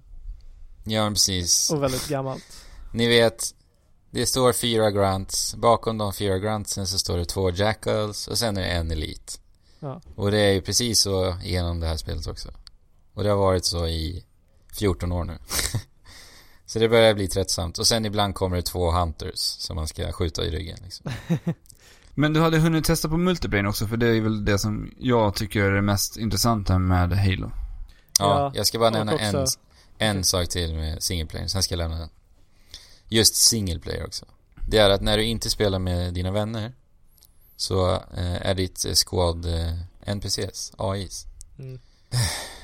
Och Är de smarta? de, Är de eh, intelligenta intelligenser? Nej men alltså det här är verkligen, det är vedervärdigt. Alltså när jag dör i Halo 5, single player, då får man alltså se Master Chief eller Agent Lock eh, skrika efter hjälp. Och det känns lite patetiskt att se Master Chief ligga på Ja. knäna och skrika efter hjälp. Ja, han har ju aldrig gjort det tidigare, han har ju klarat sig själv liksom. Ja, jag menar Ja. det. Men hur som helst, när du ligger där så ska du trycka på X för att kalla dina, dina spartaner till att hjälpa dig. Ja. Och det, det är otroligt, otroligt dåliga med det här är att när du trycker på X så blir det som ett magnetfält till dig. Att AI springer rakt emot dig. Det vill säga att är det två fiender emellan mig och spartanen så struntar din spartan i fienderna och bara springer mot mig. Ja. Så Och- det här eh, slutade i otroligt frustrerande situationer. Ja, det kan jag tänka mig. Ja. Och det var, ah, jag- nej, det var re- extremt, extremt dålig AI. Men som tur är jag så duktig va, så det händer inte så ofta. Ja men vad härligt, vad härligt. Ja. Multiplayer, det Yes, ser vi fram nu- emot. Nu kommer vi till det som jag tror och det känns verkligen som att 343 har lagt nästan all fokus på det här. Ja. Eh, multiplayern är riktigt, riktigt, riktigt, riktigt bra. Faktiskt. Och eh, i Halo 4, det var ju väldigt kaosartat, det har vi ju nämnt förut. Mm. Mm, De det hade är man- lite kod de har mycket kod-influenser i det spelet. Ja men precis, de hade de här dropsen, så att får du fem kills så kan du droppa lite vapen som gör att du blir övervinnlig, i princip. Och det här har de ju helt tagit bort. Så det känns som en, överlag som en otroligt ren eh, multiplayer-upplevelse. Alla har samma förutsättningar och det handlar bara om hur duktig du som spelare är. Det, Och det genomsyrar hela multiplayer. Och det här är ju jättebra, tycker jag. Mm. Det låter jättepositivt. För det Ja, tycker den- jag, jag tycker att det känns tröttsamt med hela den här Call of Duty-grejen när man kan få eh, buffs för att man har gjort en, heter det, killstreak liksom. ja. Ja men verkligen. Det känns Det så himla turartat på ett sätt och det är... Jag vet inte, jag giglar inte det alls. Nej, ska vara det är, som att, rena skills. I mitt tycke. det är som att de inte vågar luta tillbaka sig på spelmekaniken utan de fl- flänger på massa saker för att man ska känna sig övervinnlig liksom. Men här är det, som sagt, det är skicklighetsbaserat. Men sen det finns ju eh, Nu finns det fem olika lägen tror jag. Sen kommer de ju släppa flera med tiden. Eh, Och det nya för arena multiplayer, alltså det mest kompetitiva kan man säga. Det är ett läge som kallas för breakout och då har du ingen sköld och det är fyra mot fyra och alla har bara ett liv. Eh, och det känns väldigt taktiskt. Nästan lite Counter-Strike-vibbar får jag. Mycket man måste kommunicera vart man ser fiender och så vidare. Jag tror att det kan vara riktigt kul. Jag har inte riktigt hunnit spela det jättemycket. Och Slayer är nu, som det alltid har varit tidigare, att det finns power weapons eh, på banan som spånar en viss tid. Eh, och nu får, man, nu får du även reda på när vapnen spånar. Så att det blir lite så här kaotiska fighter just vid vapnen. Då. Riktigt skoj faktiskt. Sen har vi Warzone.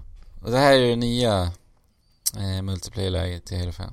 Just det. Och det här ska ju vara där de blandar in NPCer och spelare då. Och du lite, Fabian, som, lite som det som Titanfall gjorde. ja men precis. Fabian, du sa att det var lite Moba-aktigt nästan. Ja, men Du det provade ju på det här är- också. Ja. Fast eh, jag har inte spelat Titanfall men det kanske är mer uh, överensstämmande. Nej, jag skulle nog Nej. säga mer Moba faktiskt. Alright. Jag tyckte det, jag fick de vibbarna från Titanfall också, att det var lite Moba just för att man blev tvungen att grinda lite sådana NPC. Jo, fast eh, det fanns liksom inga bossar och så vidare i Titanfall. Det är i... Nej, det gjorde inte. Bara lite svårare NPC-gubbar precis. liksom. Men eh, Warzone i alla fall är ju... Då ska du ta över baser helt enkelt. En, eh, och man, jag tror att det är 24 spelare totalt. 12 mot 12 då. Så ska man hålla och ta över baser och man kan vinna på väldigt många olika sätt. Jag vet inte själv riktigt hur alla sätt man kan vinna en match. En vet jag är att ta, över alla baser givetvis, eller förstöra fiendernas eh, core i deras hembas. Mhm. Eh, och sen finns det rec stations som de kallar det på din hembas. Och de, Ja. de här eh, beställer du vapen kan man säga. Eh, det kan vara vapen, fordon och så vidare. Och det är här mikrotransaktionerna kommer in. som vi har pratat om. Mm. Rec stations eh, beställer du vapen och fordon med kort. Och kort kan du antingen köpa då för pengar. Eller så kan du köpa med in-game valuta. Som tur är så är in-game valutan väldigt, väldigt lätt att få. Och det är ju turligt. Det, ja, ver verkligen. Verkligen positivt. Ja, verkligen. Eh, Men och, är det nödvändigt att eh, samla på sig de här korten i någon större utsträckning då? För Alltså, liksom jag- spelets skull? alltså Warzone all, överlag tycker jag känns som ett spelläge där där du liksom bara vill luta dig tillbaka och skjuta lite nästan. Jaha, Ja. okej. Det är inte, Eh. det är inte kompetitivt fokuserat. Det är mer... Jag vet inte. Men Stor... Vad sa du? det, det är inte Warzone som de kommer eh, fokusera på i Halo eh, nej. Championships? Nej, nej, nej, nej. Det är en gammal helig... Ja. För att beställa vapen via rec stations så måste du gå upp i level med ditt lag. Och level går du upp i genom att eh, döda fienderna på det andra laget eller att döda NPCer då. Och det kan även då spåna bossar på banan som du kan döda. För Och att, där låter det ju faktiskt lite som ett Moba. ja men precis, det är där Moba-aspekten kommer. Men det är, ja det är kul liksom, men jag vet inte. Det är, jag föredrar ju mer tajta Halo-matcher. Så det där var Halo 5 då. Nu har jag Låter pratat väldigt ändå- mycket. Ja, det låter ju ändå överväldigande, ändå rätt positiv till eh, spelet ändå. Ja men alltså Ja, överlag verkligen. så, så är jag ändå positiv. För det är, alltså det är så extremt bra action. Alltså det, det är nog... Det är nog, alltså jag har ju alltid tyckt att Halo är det bästa FPS som finns. Eh, och jag skulle nog säga att Halo har aldrig varit bättre än vad det är nu. När det kommer till det spelmekaniska. Ja men det låter ju som några positiva ord att avrunda det här med. M- Men nej, jag tänkte eftersom att du har spelat Destiny en, en hel del nu och Destiny är ju skapat av uh, Halo-skaparna. Ja. Hur, uh, hur Det här de jobb- sig? Det är jobbigt alltså. Destiny spelade jag just. ju med er, så det var ju riktigt... Jag hade ju roligare med Destiny än vad jag hade med Halos kampanj i alla fall. Men spelmekaniskt, ja. Alltså det jag saknar mest med Halo, det är dubbelhoppet. Mhm.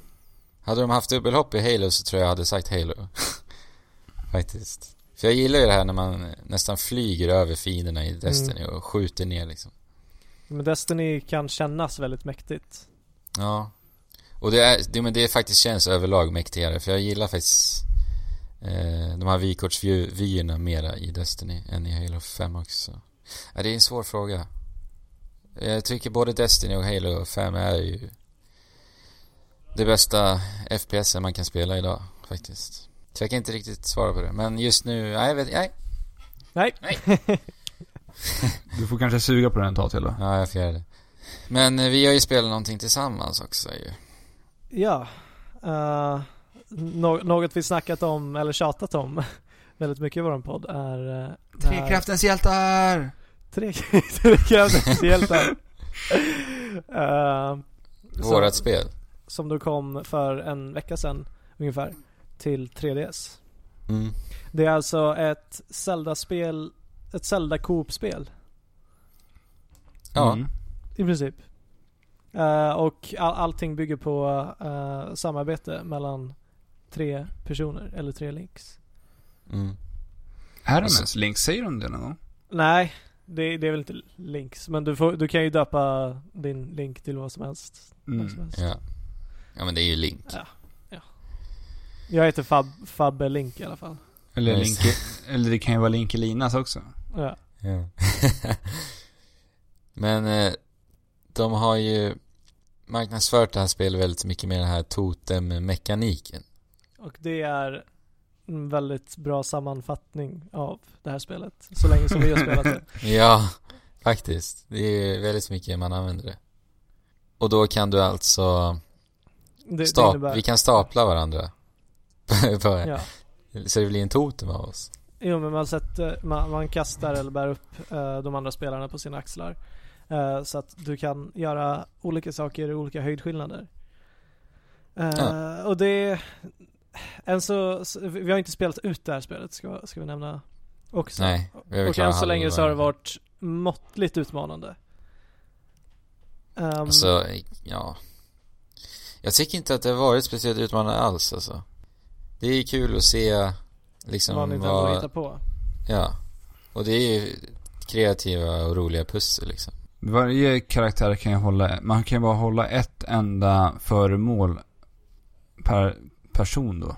Ja. Så att det är en då som kan till exempel hålla en pilbåge.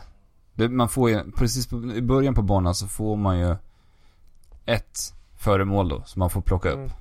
Ja, precis. Och sen är det lite olika uppdelat beroende på vilken bana det är då. Men vi ska ju Ja, säga det precis. också att det är just banor.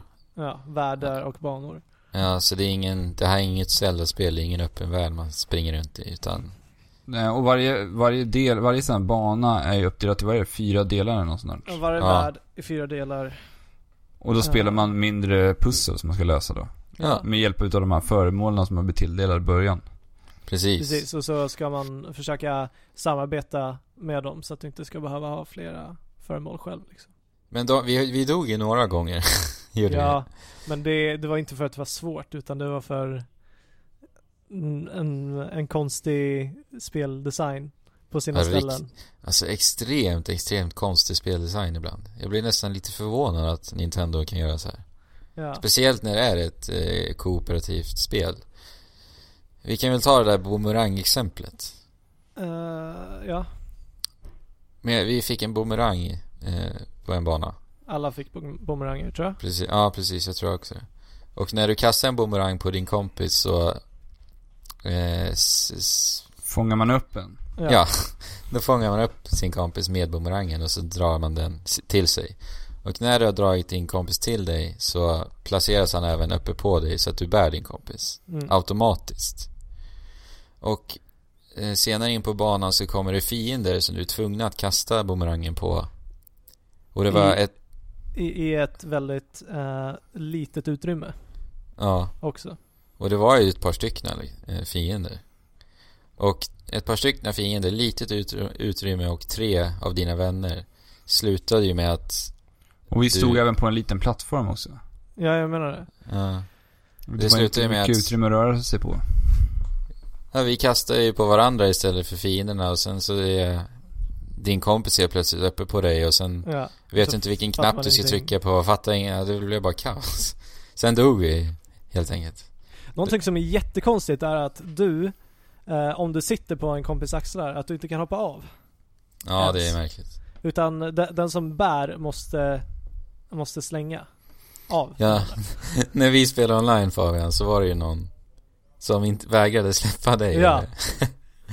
ja, det var så irriterande. Till och med jag blev irriterad. Ja. Ehm, vi kan, eller ska vi prata mer om själva spelet? Ja, det kan jag. Vad ska vi säga? Vad tycker vi? Det handlar om att samla olika material för att kunna sy olika utstyrslar som ger dig olika krafter. Och det kan Eh, vara allt från att eh, skicka iväg tre pilar istället för en. Ja, Ja, precis. Och vad är, vad är det mer man kan få? Jag Ja. har någon bombkostym nu så jag antar att jag skickar väldigt större bomber då när jag har bombföremålet. Jag vet inte, jag har inte provat den än. Ja, precis. Och eh, ja, en, en annan utstyrsel gör så att hjärtan kommer, alltså liv, eh, kommer mer frekvent. mm. Själva storyn är att prinsessan av det här landet, Hytopia, har eh, blivit... Vadå? Så jäkla ointressant story i det här spelet Ja. alltså. Uh, Men jag tycker den är lite charm... Men den Jag tycker ändå charmig. den presenteras lite charmigt. Ja. Faktiskt. Den här prinsessan eh, i det här landet Hytopia som är väldigt, väldigt uh, fåfängt. Allting handlar Ja. om mode och, och de senaste kläderna och så. Och prinsessan är ju då toppen på den här modehierarkin. Men en dag blir hon förbannad av en ond häxa som gör att hon bara kan ha på sig svarta, tri- svarta heltäckande trikåer. Ja. Vilket anses vara jättefult. Så då efterkallar de hjältar från andra land att Bekämpa den här jaga häxan. den här hä- häxan Ja. och bryta förtrollningen. Så det är väldigt eh, utseendefixerat i Triforce Heroes. Ja. Eh, men det... Jag vet inte alltså. Jag har ju haft väldigt kul medan vi har spelat tillsammans liksom. Men, Ja, men det, jag tycker också att det har varit kul, men inte Men Jag vet inte. superkul. Nej, jag, jag tycker inte heller att det känns helt superkul än. Annars hade jag ju faktiskt velat spela massvis av det, men jag vet inte riktigt. Jag Men känner jag- lite så här att jag, jag blir lite frustrerad på att spela det här spelet med flera för att många gånger så upplever jag att man, man ser lösningen på de här pusslen direkt.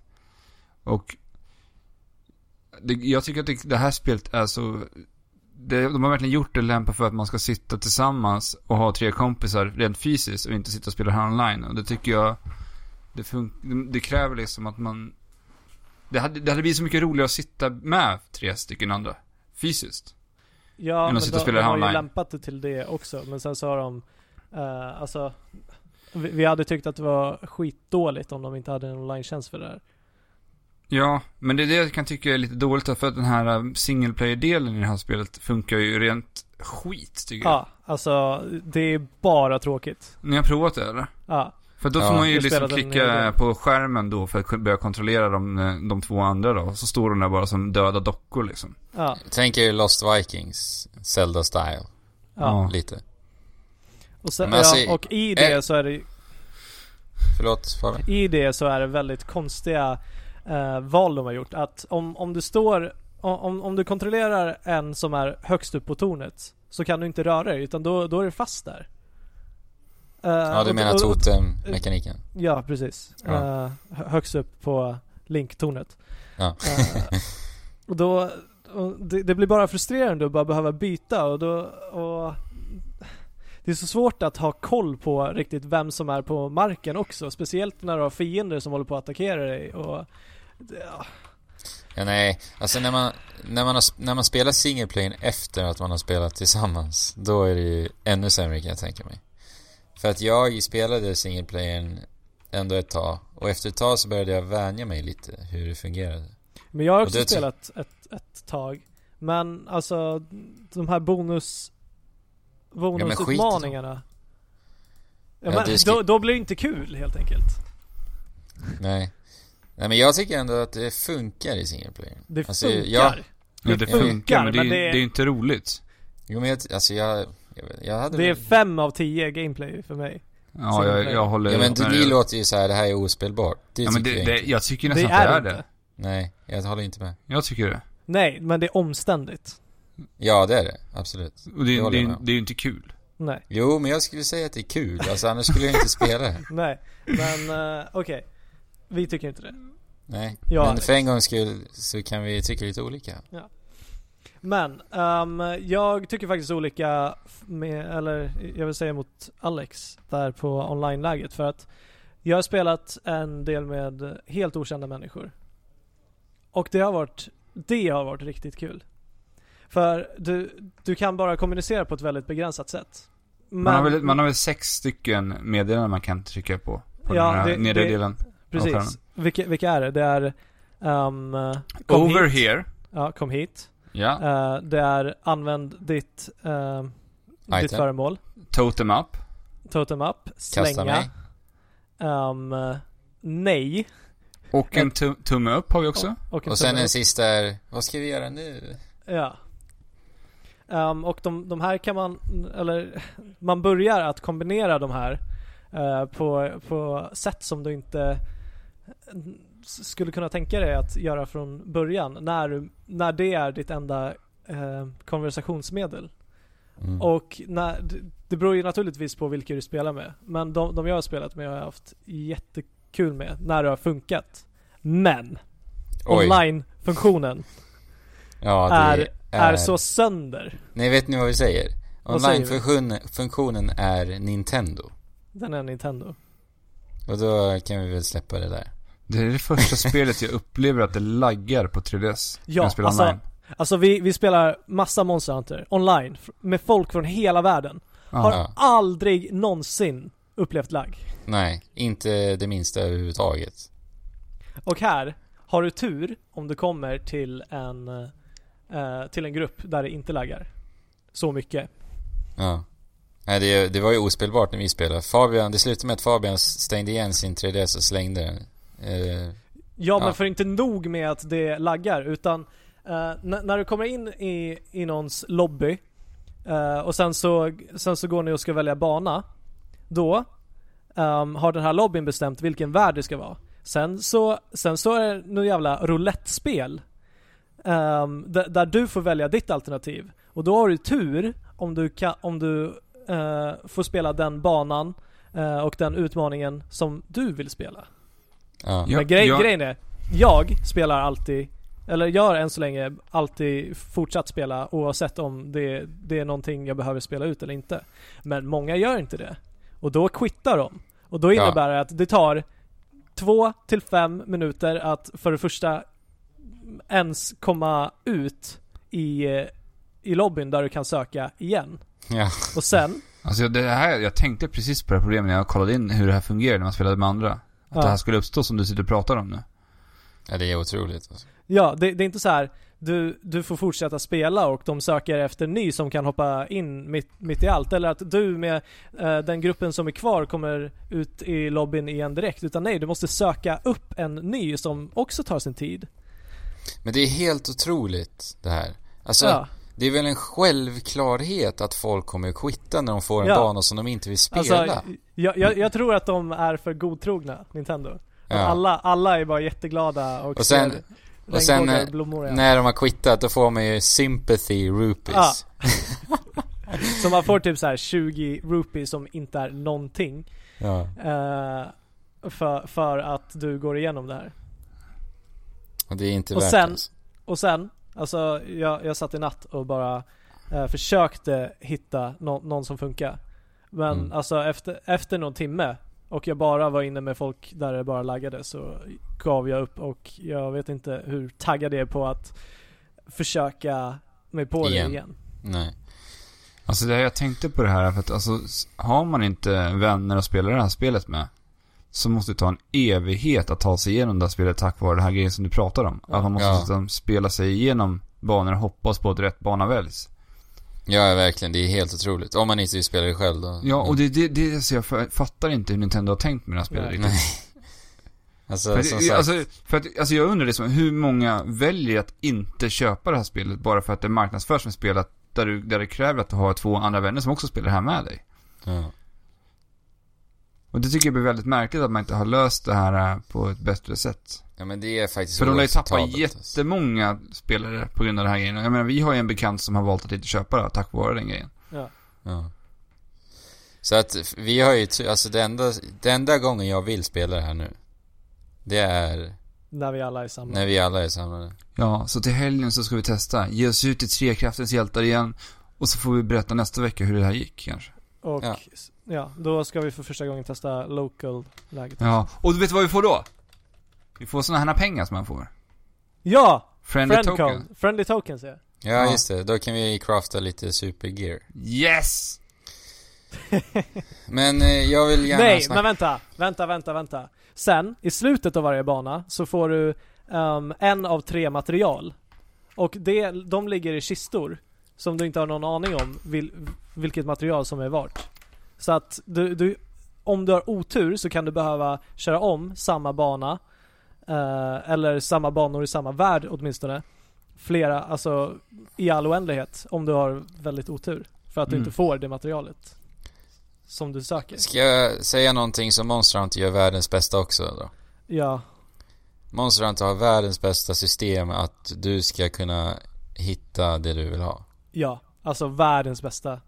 Jag älskar Det- Monster Hunter. Ja, alltså det är för mycket bra om det spelet. Ja. Men jag skulle gärna vilja prata lite om Assassin's Creed Syndicate också. Kör på. Det här streamade jag ju när jag började spela det. Jag har inte Först- spelat Assassin's Creed på nio år. Nej. Sen det första spelet begav sig va? Och jävlar vad pepp man var då alltså, efter den där snygga trailern till det första Assassin's Ja. Creed alltså. Ja, alltså shit. Man kollade om och om igen på den där trailern alltså. Ni vet ju om att jag gillade ju inte Assassin's Creed överhuvudtaget. Nej, inte jag Eh, heller. och jag tänkte, jag ville ju spela Syndicate lite som ett experiment, kan man väl säga. Mhm. Och Se vad som har hänt med spelserien, för jag har ju aldrig varit intresserad sen ettan, överhuvudtaget verkligen. Hur gick Eh. experimentet då? Vad var din hypotes till att börja med? Eh, att det kanske har blivit lite bättre. Vad var ehm, resultatet då? Vedervärdigt. Så slutsatsen? Nej men så snabba ska vi inte vara. Eh, nej men som sagt, nio år. Då tänker jag spontant innan jag sätter mig och spelar att det måste ju ha hänt någonting med konceptet. För det är, jag menar, ni vet, upp i tornet, scanna av kartan, få lite ikoner, göra lite side missions Mm. för att eh, rensa eh, li- ligorna på Londons gator. Allt det där finns ju kvar i Syndicate. Mhm. Och det är ju den första besvikelsen. Ja, typiska sandlådeupplägget. Ja, Det här är typiska verkligen- Ubisoft-upplägget nu för tiden Ja men det säga. var ju ändå Assassin's Creed som började med det här. Ja. Jo, men det alltså var det första Assassin's Creed. Så det kan, om det är någon spelserie som ändå kan få kvar det så är det väl ändå i och för sig kanske Assassin's Creed va? Ja men är det kul är frågan. Nej. Eh, det här är ju verkligen ett spel som har blivit påverkat av eh, hela spelklimatet också. Hur de har tagit det här konceptet. För jag känner igen mig otroligt mycket i det här. Eller i eh, till exempel Far Cry och det här är ju väldigt likt på det sättet. Ja, och många andra spel. Men det första, eh, man är då Jacob och Evie Fry, eh, tvillingsyskon. Eh, man får starta och styra Jacob Fry och det första som bara sprängs i min hand på mig. Det är kontrollen. Mm. Kontrollen är så dålig. Den är klumpig, den har en fördröjning, ni vet. Trycker du till höger. Ah, vänta, jag ska ta en kopp kaffe. Ja, ah, just det, jag ska gå till höger. Alltså det är så ot- otroligt svårkontrollerat det här spelet. Och det är likadant med kameran också. Så när du drar kameran till höger, det är, det är som att de vill ha någon form av eh, cinematisk, eh, filmisk känsla på något Ja, men jag tycker det känns som att de sett tillsätter den här kontrollen just för att det ska kännas som att det blir någon slags tyngd i karaktären. Ja, och det blir bara pannkaka ja. alltså. Ja, Det, det, och det här är ju ett, ändå ett stealth-spel. Jag menar, du är ju en lönnmördare. Men Då vill man ju ändå ha full kontroll. Precis. Och att komma från Metal Gear Solid 5 med den bästa kontrollen som existerar idag och gå till det här. Alltså det var en hemsk upplevelse. Och, ja men det var verkligen det. Ja. Eh, och jag menar som sagt det är stealth. Du vill ju göra finjusteringar så att eh, vakterna inte ser dig. Du vill snabbt kunna springa undan om en vakt upptäcker dig och så vidare. Det är ofta att jag fastnar i kanter. Det är konstig fysik när du går. Jag menar, uff, nej, det är jätte, jättesvårkontrollerat. Men det här med att dricka kaffe och spela samtidigt, det kan ju du faktiskt göra i det här spelet. När du, när du slåss. Ja, det kan jag. Det, det kan jag göra. För slåss eh, stridssystemet, jag gillar ju inte sånt här stridssystem överlag. Ni vet, Batman, man ska trycka på en knapp för att göra en counter eller, ja, ni vet. Mhm. Och eh, jag upptäckte ju att jag kan ju spela, klara striderna i det här spelet med en hand. Så det är bara att trycka fyrkant ända tills det blinkar gult, då trycker jag på cirkel.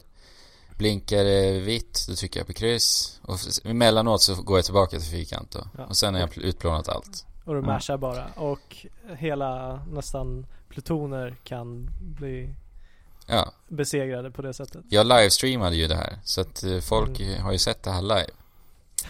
Nej men det är otroligt hjärndött stridssystem. Ja, fruktansvärt tråkigt. Och eh, jag hade hellre velat se att de kanske, att man såg på karaktären hur den rörde sig. Att du ska göra en counter. Nu är det, blinkar det gult ovanför hans livmätare. Det är så, usch, det är så fult. Gränssnittet överlag är jättefult i det här spelet. Jag tycker det tar bort illusionen lite. Det är, men det är väldigt tung atmosfär ändå, tycker de har lyckats fånga eh, av London. Det känns väldigt smutsigt och, och så, men eh, sen kommer det här fula gränssnittet överallt. Det blir någon slags krasch, inte, inte bra. Ja, alltså med Assassin's Creed överhuvudtaget. Jag, jag känner att jag är intresserade, eller intresserad av liksom storyn och upplevelsen. Att gå, gå tillbaka och liksom eh, spela i, i en annan tid som faktiskt är väldigt det känns i alla fall som att det är ehm, realistiskt porträtterat. Men Mm. allt, allt det här som du säger förstör bara hela upplevelsen. Ja men det är ju lite på grund av att de vill att det ska vara så realistiskt, känns det som. Men det förstör ju bara spelupplevelsen totalt alltså. Det ska vara så snygga animationer och bla bla bla. Ja. Men sen är det det här med prestanda va. Hur ser spelet ut? Det är inte särskilt snyggt tycker jag. Och eh, när man kommer ut till staden så är det otroliga frame drops. Det laggar. Det är laggar. Mm. Ja, Det- tråkigt. Där ser man. Och det är i massa buggar. Jag la upp en film på eh, Instagram när det buggade till. Det var en polis, eh, polisman som fastnade i mig. Och han ville inte släppa mig. Och då var jag tvungen att göra om uppdraget. Så det är väldigt spelförstörande, mycket spelförstörande buggar. Jag har, har varit med om två stycken. Som jag var tvungen att liksom starta om. Det känns ju också... Alltså upplevelsen känns så ojämn. Det opolerat, ojämnt. Ibland, det har varit några moment där jag känt så här, men det här är ganska kul ändå. Och jag känner mig liksom fördjupad och engagerad. Men sen kommer det någon bugg, sen fastnar jag i någon vägg. Nej, det... Nej. Nej. Nej. AI är också katastrofal. Men Ni vet i Metal Gear Solid när det ligger en död body. Då går de fram och säger... Då ringer det på förstärkning och sen eh, går de in i något slags uppmärksamt läge och letar efter dig. I det här spelet går de fram och säger... Uh? Och sen går de tillbaka. alltså det är så dåligt. Okej. 2015 kan man göra eh, finare och mer polerade spel än så här, skulle jag säga. Ja, jag Men- tycker de ska försöka vänta med att släppa ett Assassin's Creed-spel varenda år faktiskt. För det, det jag tycker ändå är intressant, hela det här det utspelar sig i olika tidsserier och sånt. Mm. Men Ja. man skulle kunna göra så mycket bättre spel av det. Kan inte Ubisoft-teamen bara chilla ner lite grann? Men alltså det, är, det här är så dåligt det här spelet. Alltså jag... Jag köpte det här spelet för 640 kronor. Och jag tog bort det samma dag. Jag, har all, jag tror aldrig jag har gjort det. Det här är nog det sämsta, kan vara kan, ett av de sämre spelen jag har spelat i hela mitt liv. ja men på riktigt alltså. Jag tror aldrig jag liksom här, tagit bort ett spel efter jag spelat det lite. Det var så tråkigt faktiskt. Nej, du har ändå kämpat igenom ganska många trista spel när Ja. du var achievement-beroende. Det var väl kanske lite på grund av det också. Men, men det här är liksom, det är för okontrollerbart. Det är liksom, jag vill inte spela helt enkelt. Nej, då behöver du inte göra det. Och jag måste också nämna det här free roam systemet bara. Det, är, det här är ju liksom Assassin's Creed. Man ska hålla in en knapp för att springa över gator och hoppa på tak. Och det här är ju, det resulterar ju bara i kaos det här också. För att om du håller din spak, du håller din spak dit du vill springa Mm. Men din karaktär väljer att hoppa upp på något annat ställe för att de har ju något system i och med att det är automatiskt. Ja, att de tar det som är när, närmast Ja. hands typ. Och det är så många gånger jag bara stannar upp och bara dit vill inte jag. Jag ville fram. Jag vill inte upp där. Alltså det var, nej. Men är det så fortfarande att de hoppar automatiskt sånt där? Ja, och det är Alltså, jag, jag kan inte förstå att man fortfarande kör på det i Assassin's Creed. För att man hade ju öppnat frihetskänslan väldigt mycket om man hade kunnat hoppa själv och bestämma. Jag menar, man har rätt många knappar att välja på. Man Ja. behöver inte ha en knapp till allt. Nej. Nej. Men jag ska säga alltså. någonting positivt. Får jag säga en sak som är positiv? Nej. Och det är, jo men jag vill det, musiken. Den är faktiskt bra. Mm. De lyckas fånga en härlig känsla med musiken. Och det är ganska roliga karaktärer faktiskt också. Annars är det vedervärdigt. Köp inte det. Om ni inte älskar Assassin's Creed, då antar jag att ni kommer gilla det här också, men ja, nej, usch. Det var det. Break.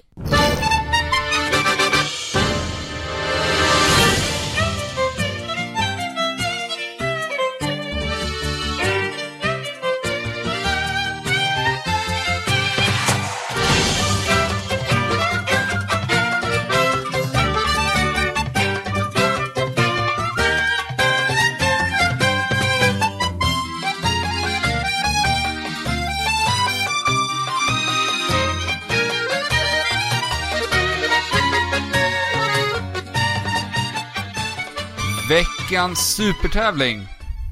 Andrew, Den- det är du som håller i tävlingen den här veckan. Ja, precis. Supertävling, varför kallar vi det supertävling för? Det, det blev så, för Andrew började kalla det för det. Ja, men jag, jag skrev bara någonting för att eh, det skulle synas eh, tydligt i våra dokument här va. Ja, det var ett lite längre ord då, som syntes lite bättre. Så nu för tiden kallas det då supertävling. Ja. Eh, jag kommer att eh, spela upp lite röster. Lite spelkaraktärsröster. Ja, ja. Och sen ska ni, det är lite enkelt idag va, men jag tänker att det kan vara lite kul till formatet så lyssnarna lyssnar på lite så härliga spelkaraktärsröster. Så skriker ni ert namn när ni kan eh, karaktären.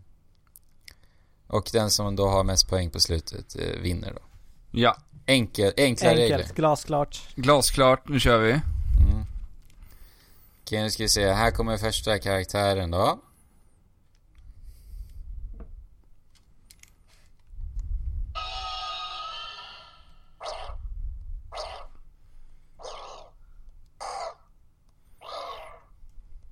Oh my god. Det låter så himla konstigt. Gör det? Den kanske var lite svår. Det låter inte som en röst ju.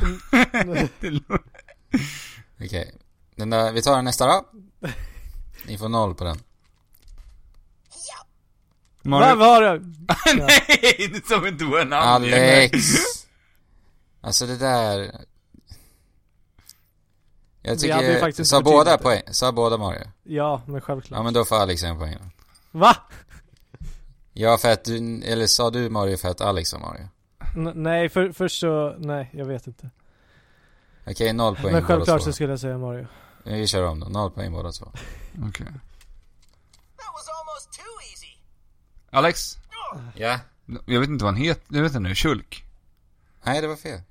Fabian, har du något? Alltså,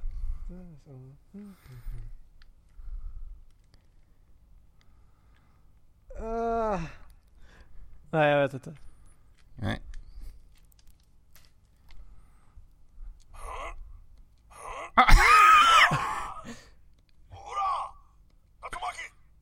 Fabian. Fabian? är det Ryu? Det är ju. Ett poäng till eh, Fabian. Nu kör vi fyra till. Är det bara karaktärer från Smash Bros eller? Det kan vara det. Fabian! Alex? Link. Det är Toon Link. Ja, det är bra. Eh, Ska vi se. Nästa då. Alex? Alex? Diddy Kong? Jajamän. 2-1 till Alex. Två kvar. Nästa.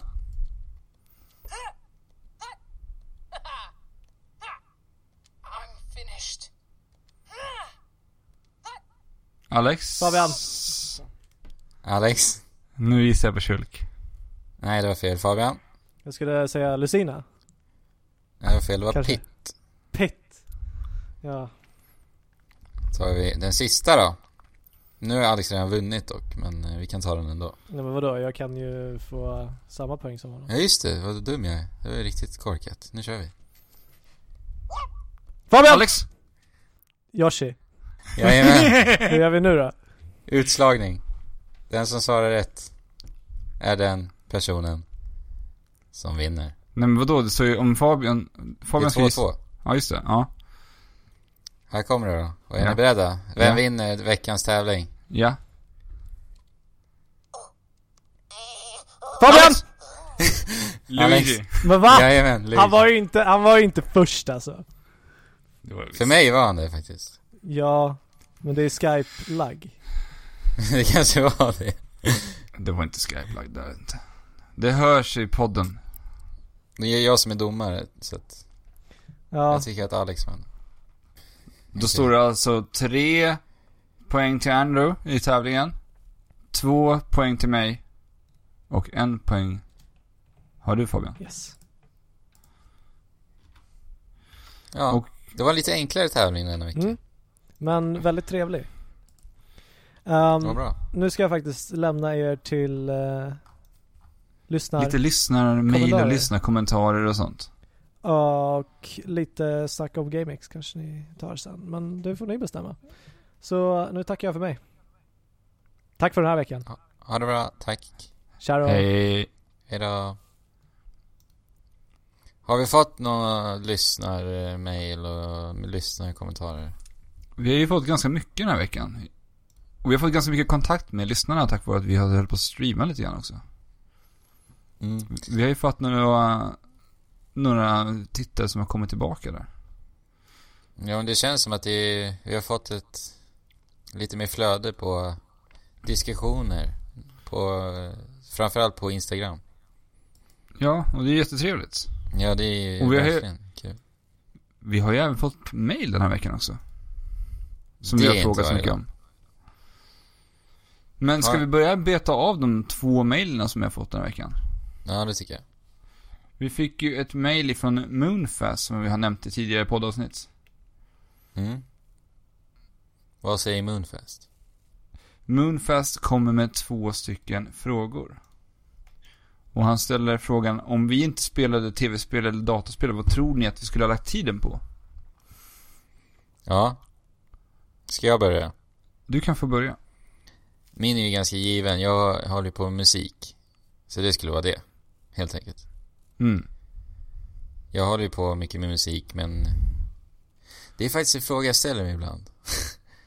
Hade jag struntat i att spela och lagt den här tiden på musik? Men det är bara löjligt att tänka så. Men ja, Ja. musik skulle jag säga. Du då Alex? Så det, det är lite svårt då. Jag vet faktiskt inte riktigt helt hundra. Jag har ju också hållit på med musik en gång i tiden, men tappat det lite grann. Mm. Eh, men jag vet inte jag skulle kanske läsa serietidningar och sånt lite mer än vad jag gör. Sätta mig lite mer in i sånt. Jag tycker det är ganska roligt också. Men du fick en ritperiod där ett tag. Ja, det har jag också. Det skulle jag nog kunna lägga lite mer tid på också faktiskt. Ja. Jag har ju många tidskrävande intressen alltså, så det är svårt att få ihop allting. Ja. Rita, eller eh, rita och läsa serietidningar, det är nog ganska bra svar faktiskt. Jo. Jag gillar ju att träna mycket också. Jag skulle egentligen vilja lägga mer tid på det. Men... Kanske, Mm. jag vet inte. Hans andra frågan kommer med om vi har, är om vi har någon speciell egenskap. Eller egenhet när vi spelar. Och så nämner han exempel som när vi E3-spelar. Mm. Det kan vara i spelet eller hur ni rent fysiskt spelar. Alltså jag... Jag har ju lite så här Att jag måste, ja men till exempel Det är en klassiker liksom men Att eh, Hugga allt gräs i Zelda Mm. Att allt gräs måste bort liksom Lite så har jag när jag spelar Lite Eh. tvångstankar att du måste rensa efter dig. jag, är- nödvändigt, Nödvändigtvis inte att jag måste men jag känner att det liksom Eller det känns skönt liksom Att göra det Mm. Att bara bli av med allt, rensa allt. Lite så det. Men Zelda-exemplet är ju bra, så jag skulle säga det. Jag har nog det där faktiskt med när det kommer till open world-spel, när det poppar upp överallt grejer på skärmen, eller på minikartan. Mm. Jag blir så otroligt störd av när det är så mycket på skärmen så att jag känner att jag måste rensa upp så att det är rent omkring mig när jag, när jag rör mig framåt i spelet. Ja. Och det var det här som fick mig att sluta spela Skyrim. När jag begav mig ut i den här världen. För det bara poppar upp grejer precis överallt. Och jag kände att nej, det här kan jag inte rensa. Det är för Nej, mycket. Det, är för Det här kommer mycket. sluka hela mitt liv. Alltså det är konstigt hur spelutvecklarna, hur de designar det där. Alltså jag tycker faktiskt att eh, Rockstar gör det där riktigt bra. Mm. För att de, de gör ju att du låser upp uppdrag allt eftersom, eller hur? Mm. Att när du går till de här bokstäverna på kartan där det är uppdrag. Sen när du har klarat alla uppdrag hos den karaktären så låser du upp två. Alltså du vet. Mm. Det gör de riktigt bra faktiskt. Ja, det håller jag med dig om. Så att det inte blir liksom överväldigande, som du säger. Men eh, jag vet inte, jag har haft min achievement-period där jag ville... Allt skulle vara rent där också. Tusen, eh, allt fullt, full max, alla achievements. Ja, jag kommer ihåg när jag poppade in och spelade din Xbox och du vart galen på det där alltså. ja. Och så var du tvungen att spela ut det. Jag kommer inte ihåg vad det var för spel. Men jag tror du, du Eh. 100% det där. ja, vilket var det? Hmm, men jag kommer inte ihåg det riktigt heller. Jag tror att det kan ha varit Burnout någonstans. Jo, det var det väl? Jo, det var Burnout. Ja. Det var Burnout. Men sen var det ett ganska roligt spel också, så det var rätt. Ja, precis. Det var dock ganska svårt att maxa. Mm. Men sen fick vi även ett mail ifrån farsan 01 som har varit med oss på Twitch en del också. Mm. Som skriver in att han eh, verkligen älskar våran podd. Och att han, vi har fått honom att öppna ögonen för andra spel som han eh, inte annars skulle ha kollat in. Jaha, kul.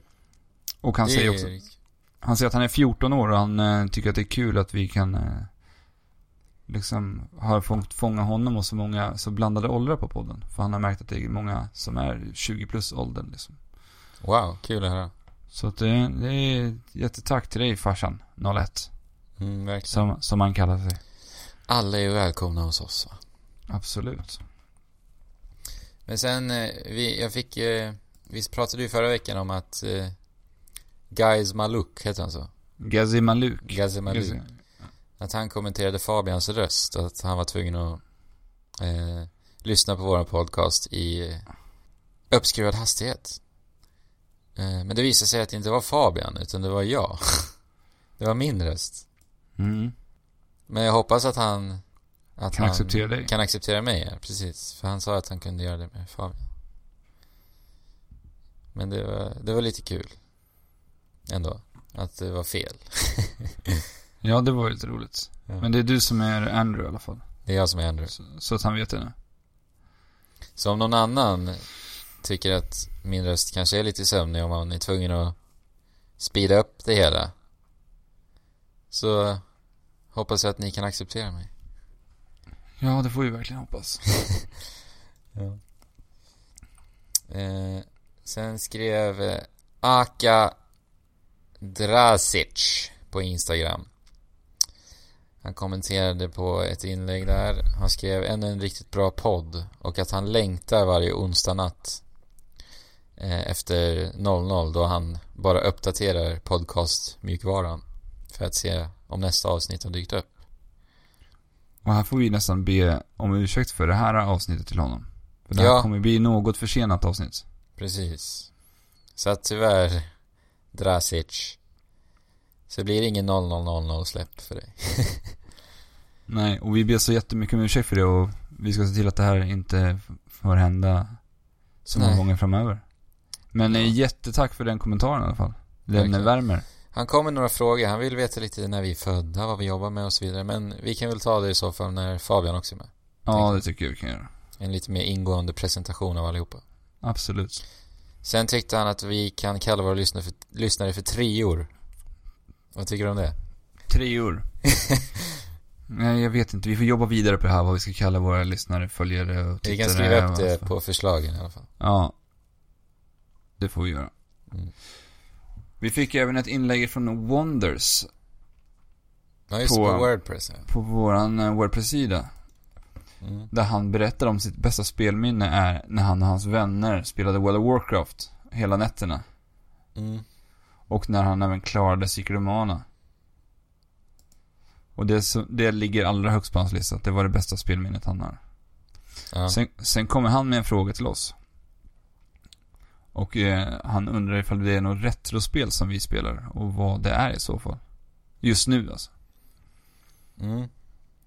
Spelar du någon retrospel för tillfället? Eh, jag håller ju på och småspelar Zelda Link's Awakening. Ja, just det, det gör ju. Fram och tillbaka. Och jag är ju ett enormt Zelda-fan, har inte klarat av eh, Link's Awakening. Men jag ska återkomma till det. Jag har inte spelat tillräckligt mycket för att komma med någon åsikt så. Men det är väl det. Ja, och som jag berättade för några veckor sedan så köpte vi jag ju en Super Famicom. Och jag småspelar väl lite Super Mario World hela tiden. Jag tycker att det är ett fulländat plattformsäventyr. Ja, du sa till mig när jag var hos dig sist. Varje gång du ser kassetten så vill du spela. ja, men det är så. Det är så otroligt eh, jäkla bra spel alltså. Ja, det är riktigt, riktigt bra. Men jag tänkte att jag ska försöka ta mig igenom något Metroid-spel snart, för jag har ju faktiskt aldrig spelat ett Metroid-spel trots att jag älskar konceptet eh, Metroidvania, som det så kallas. Ja. Och jag har ju aldrig spelat Mega Man. Det är lite så här skämskudde på den. Lite som för dig och Metroid. Ja. Men jag är jättesugen på Mega Man. Jag ska spela Mega Man. Men Mm. vi fick även en eh, kommentar eh, på våra förra avsnitt från Venerable Rain. Mm. Våran kära Venerable Rain. återkommande Venerable Rain. Han har varit med oss länge nu. Ja. Nästan nästan starten va? Ja. Eh, Han skriver jättelångt meddelande, men jag vill bara säga tack till det, för att det är väldigt fina ord. Jag hinner, vill inte sitta och rabbla upp det, för det är för långt. Men han släpper ju sitt spel Lights snart. Eh, Ska han göra på- det? Ja. Det är på G. Han håller på med Apple och fifflar fram och tillbaka.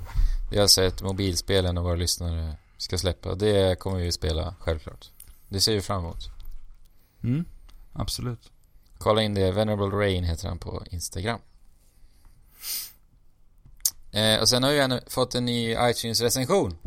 Och det är ju trevligt. Det gillar vi.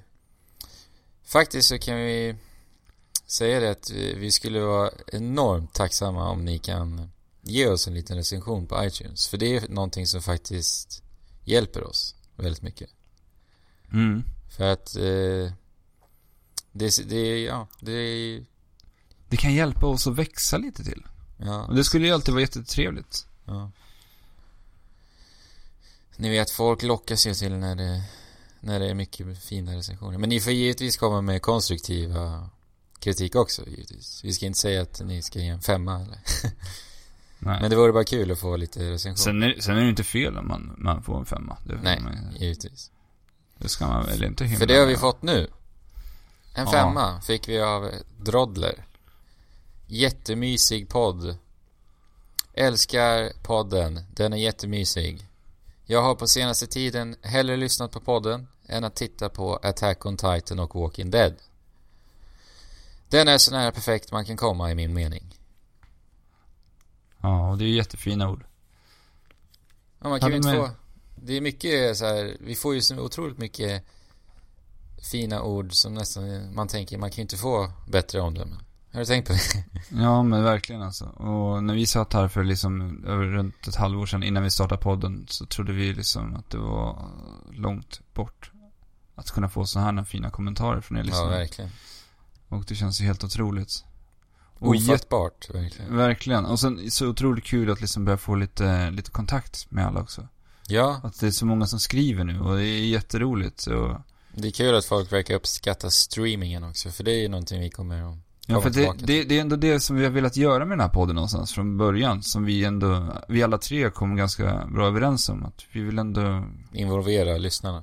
ja. Och Mm. det har verkligen känts som att vi är på väg i rätt riktning nu, den senaste tiden. Om det är någon lyssnare som skulle vilja vara med i ett avsnitt som känner att de har något, eh, något intressant att ta upp så är det bara att höra av sig också.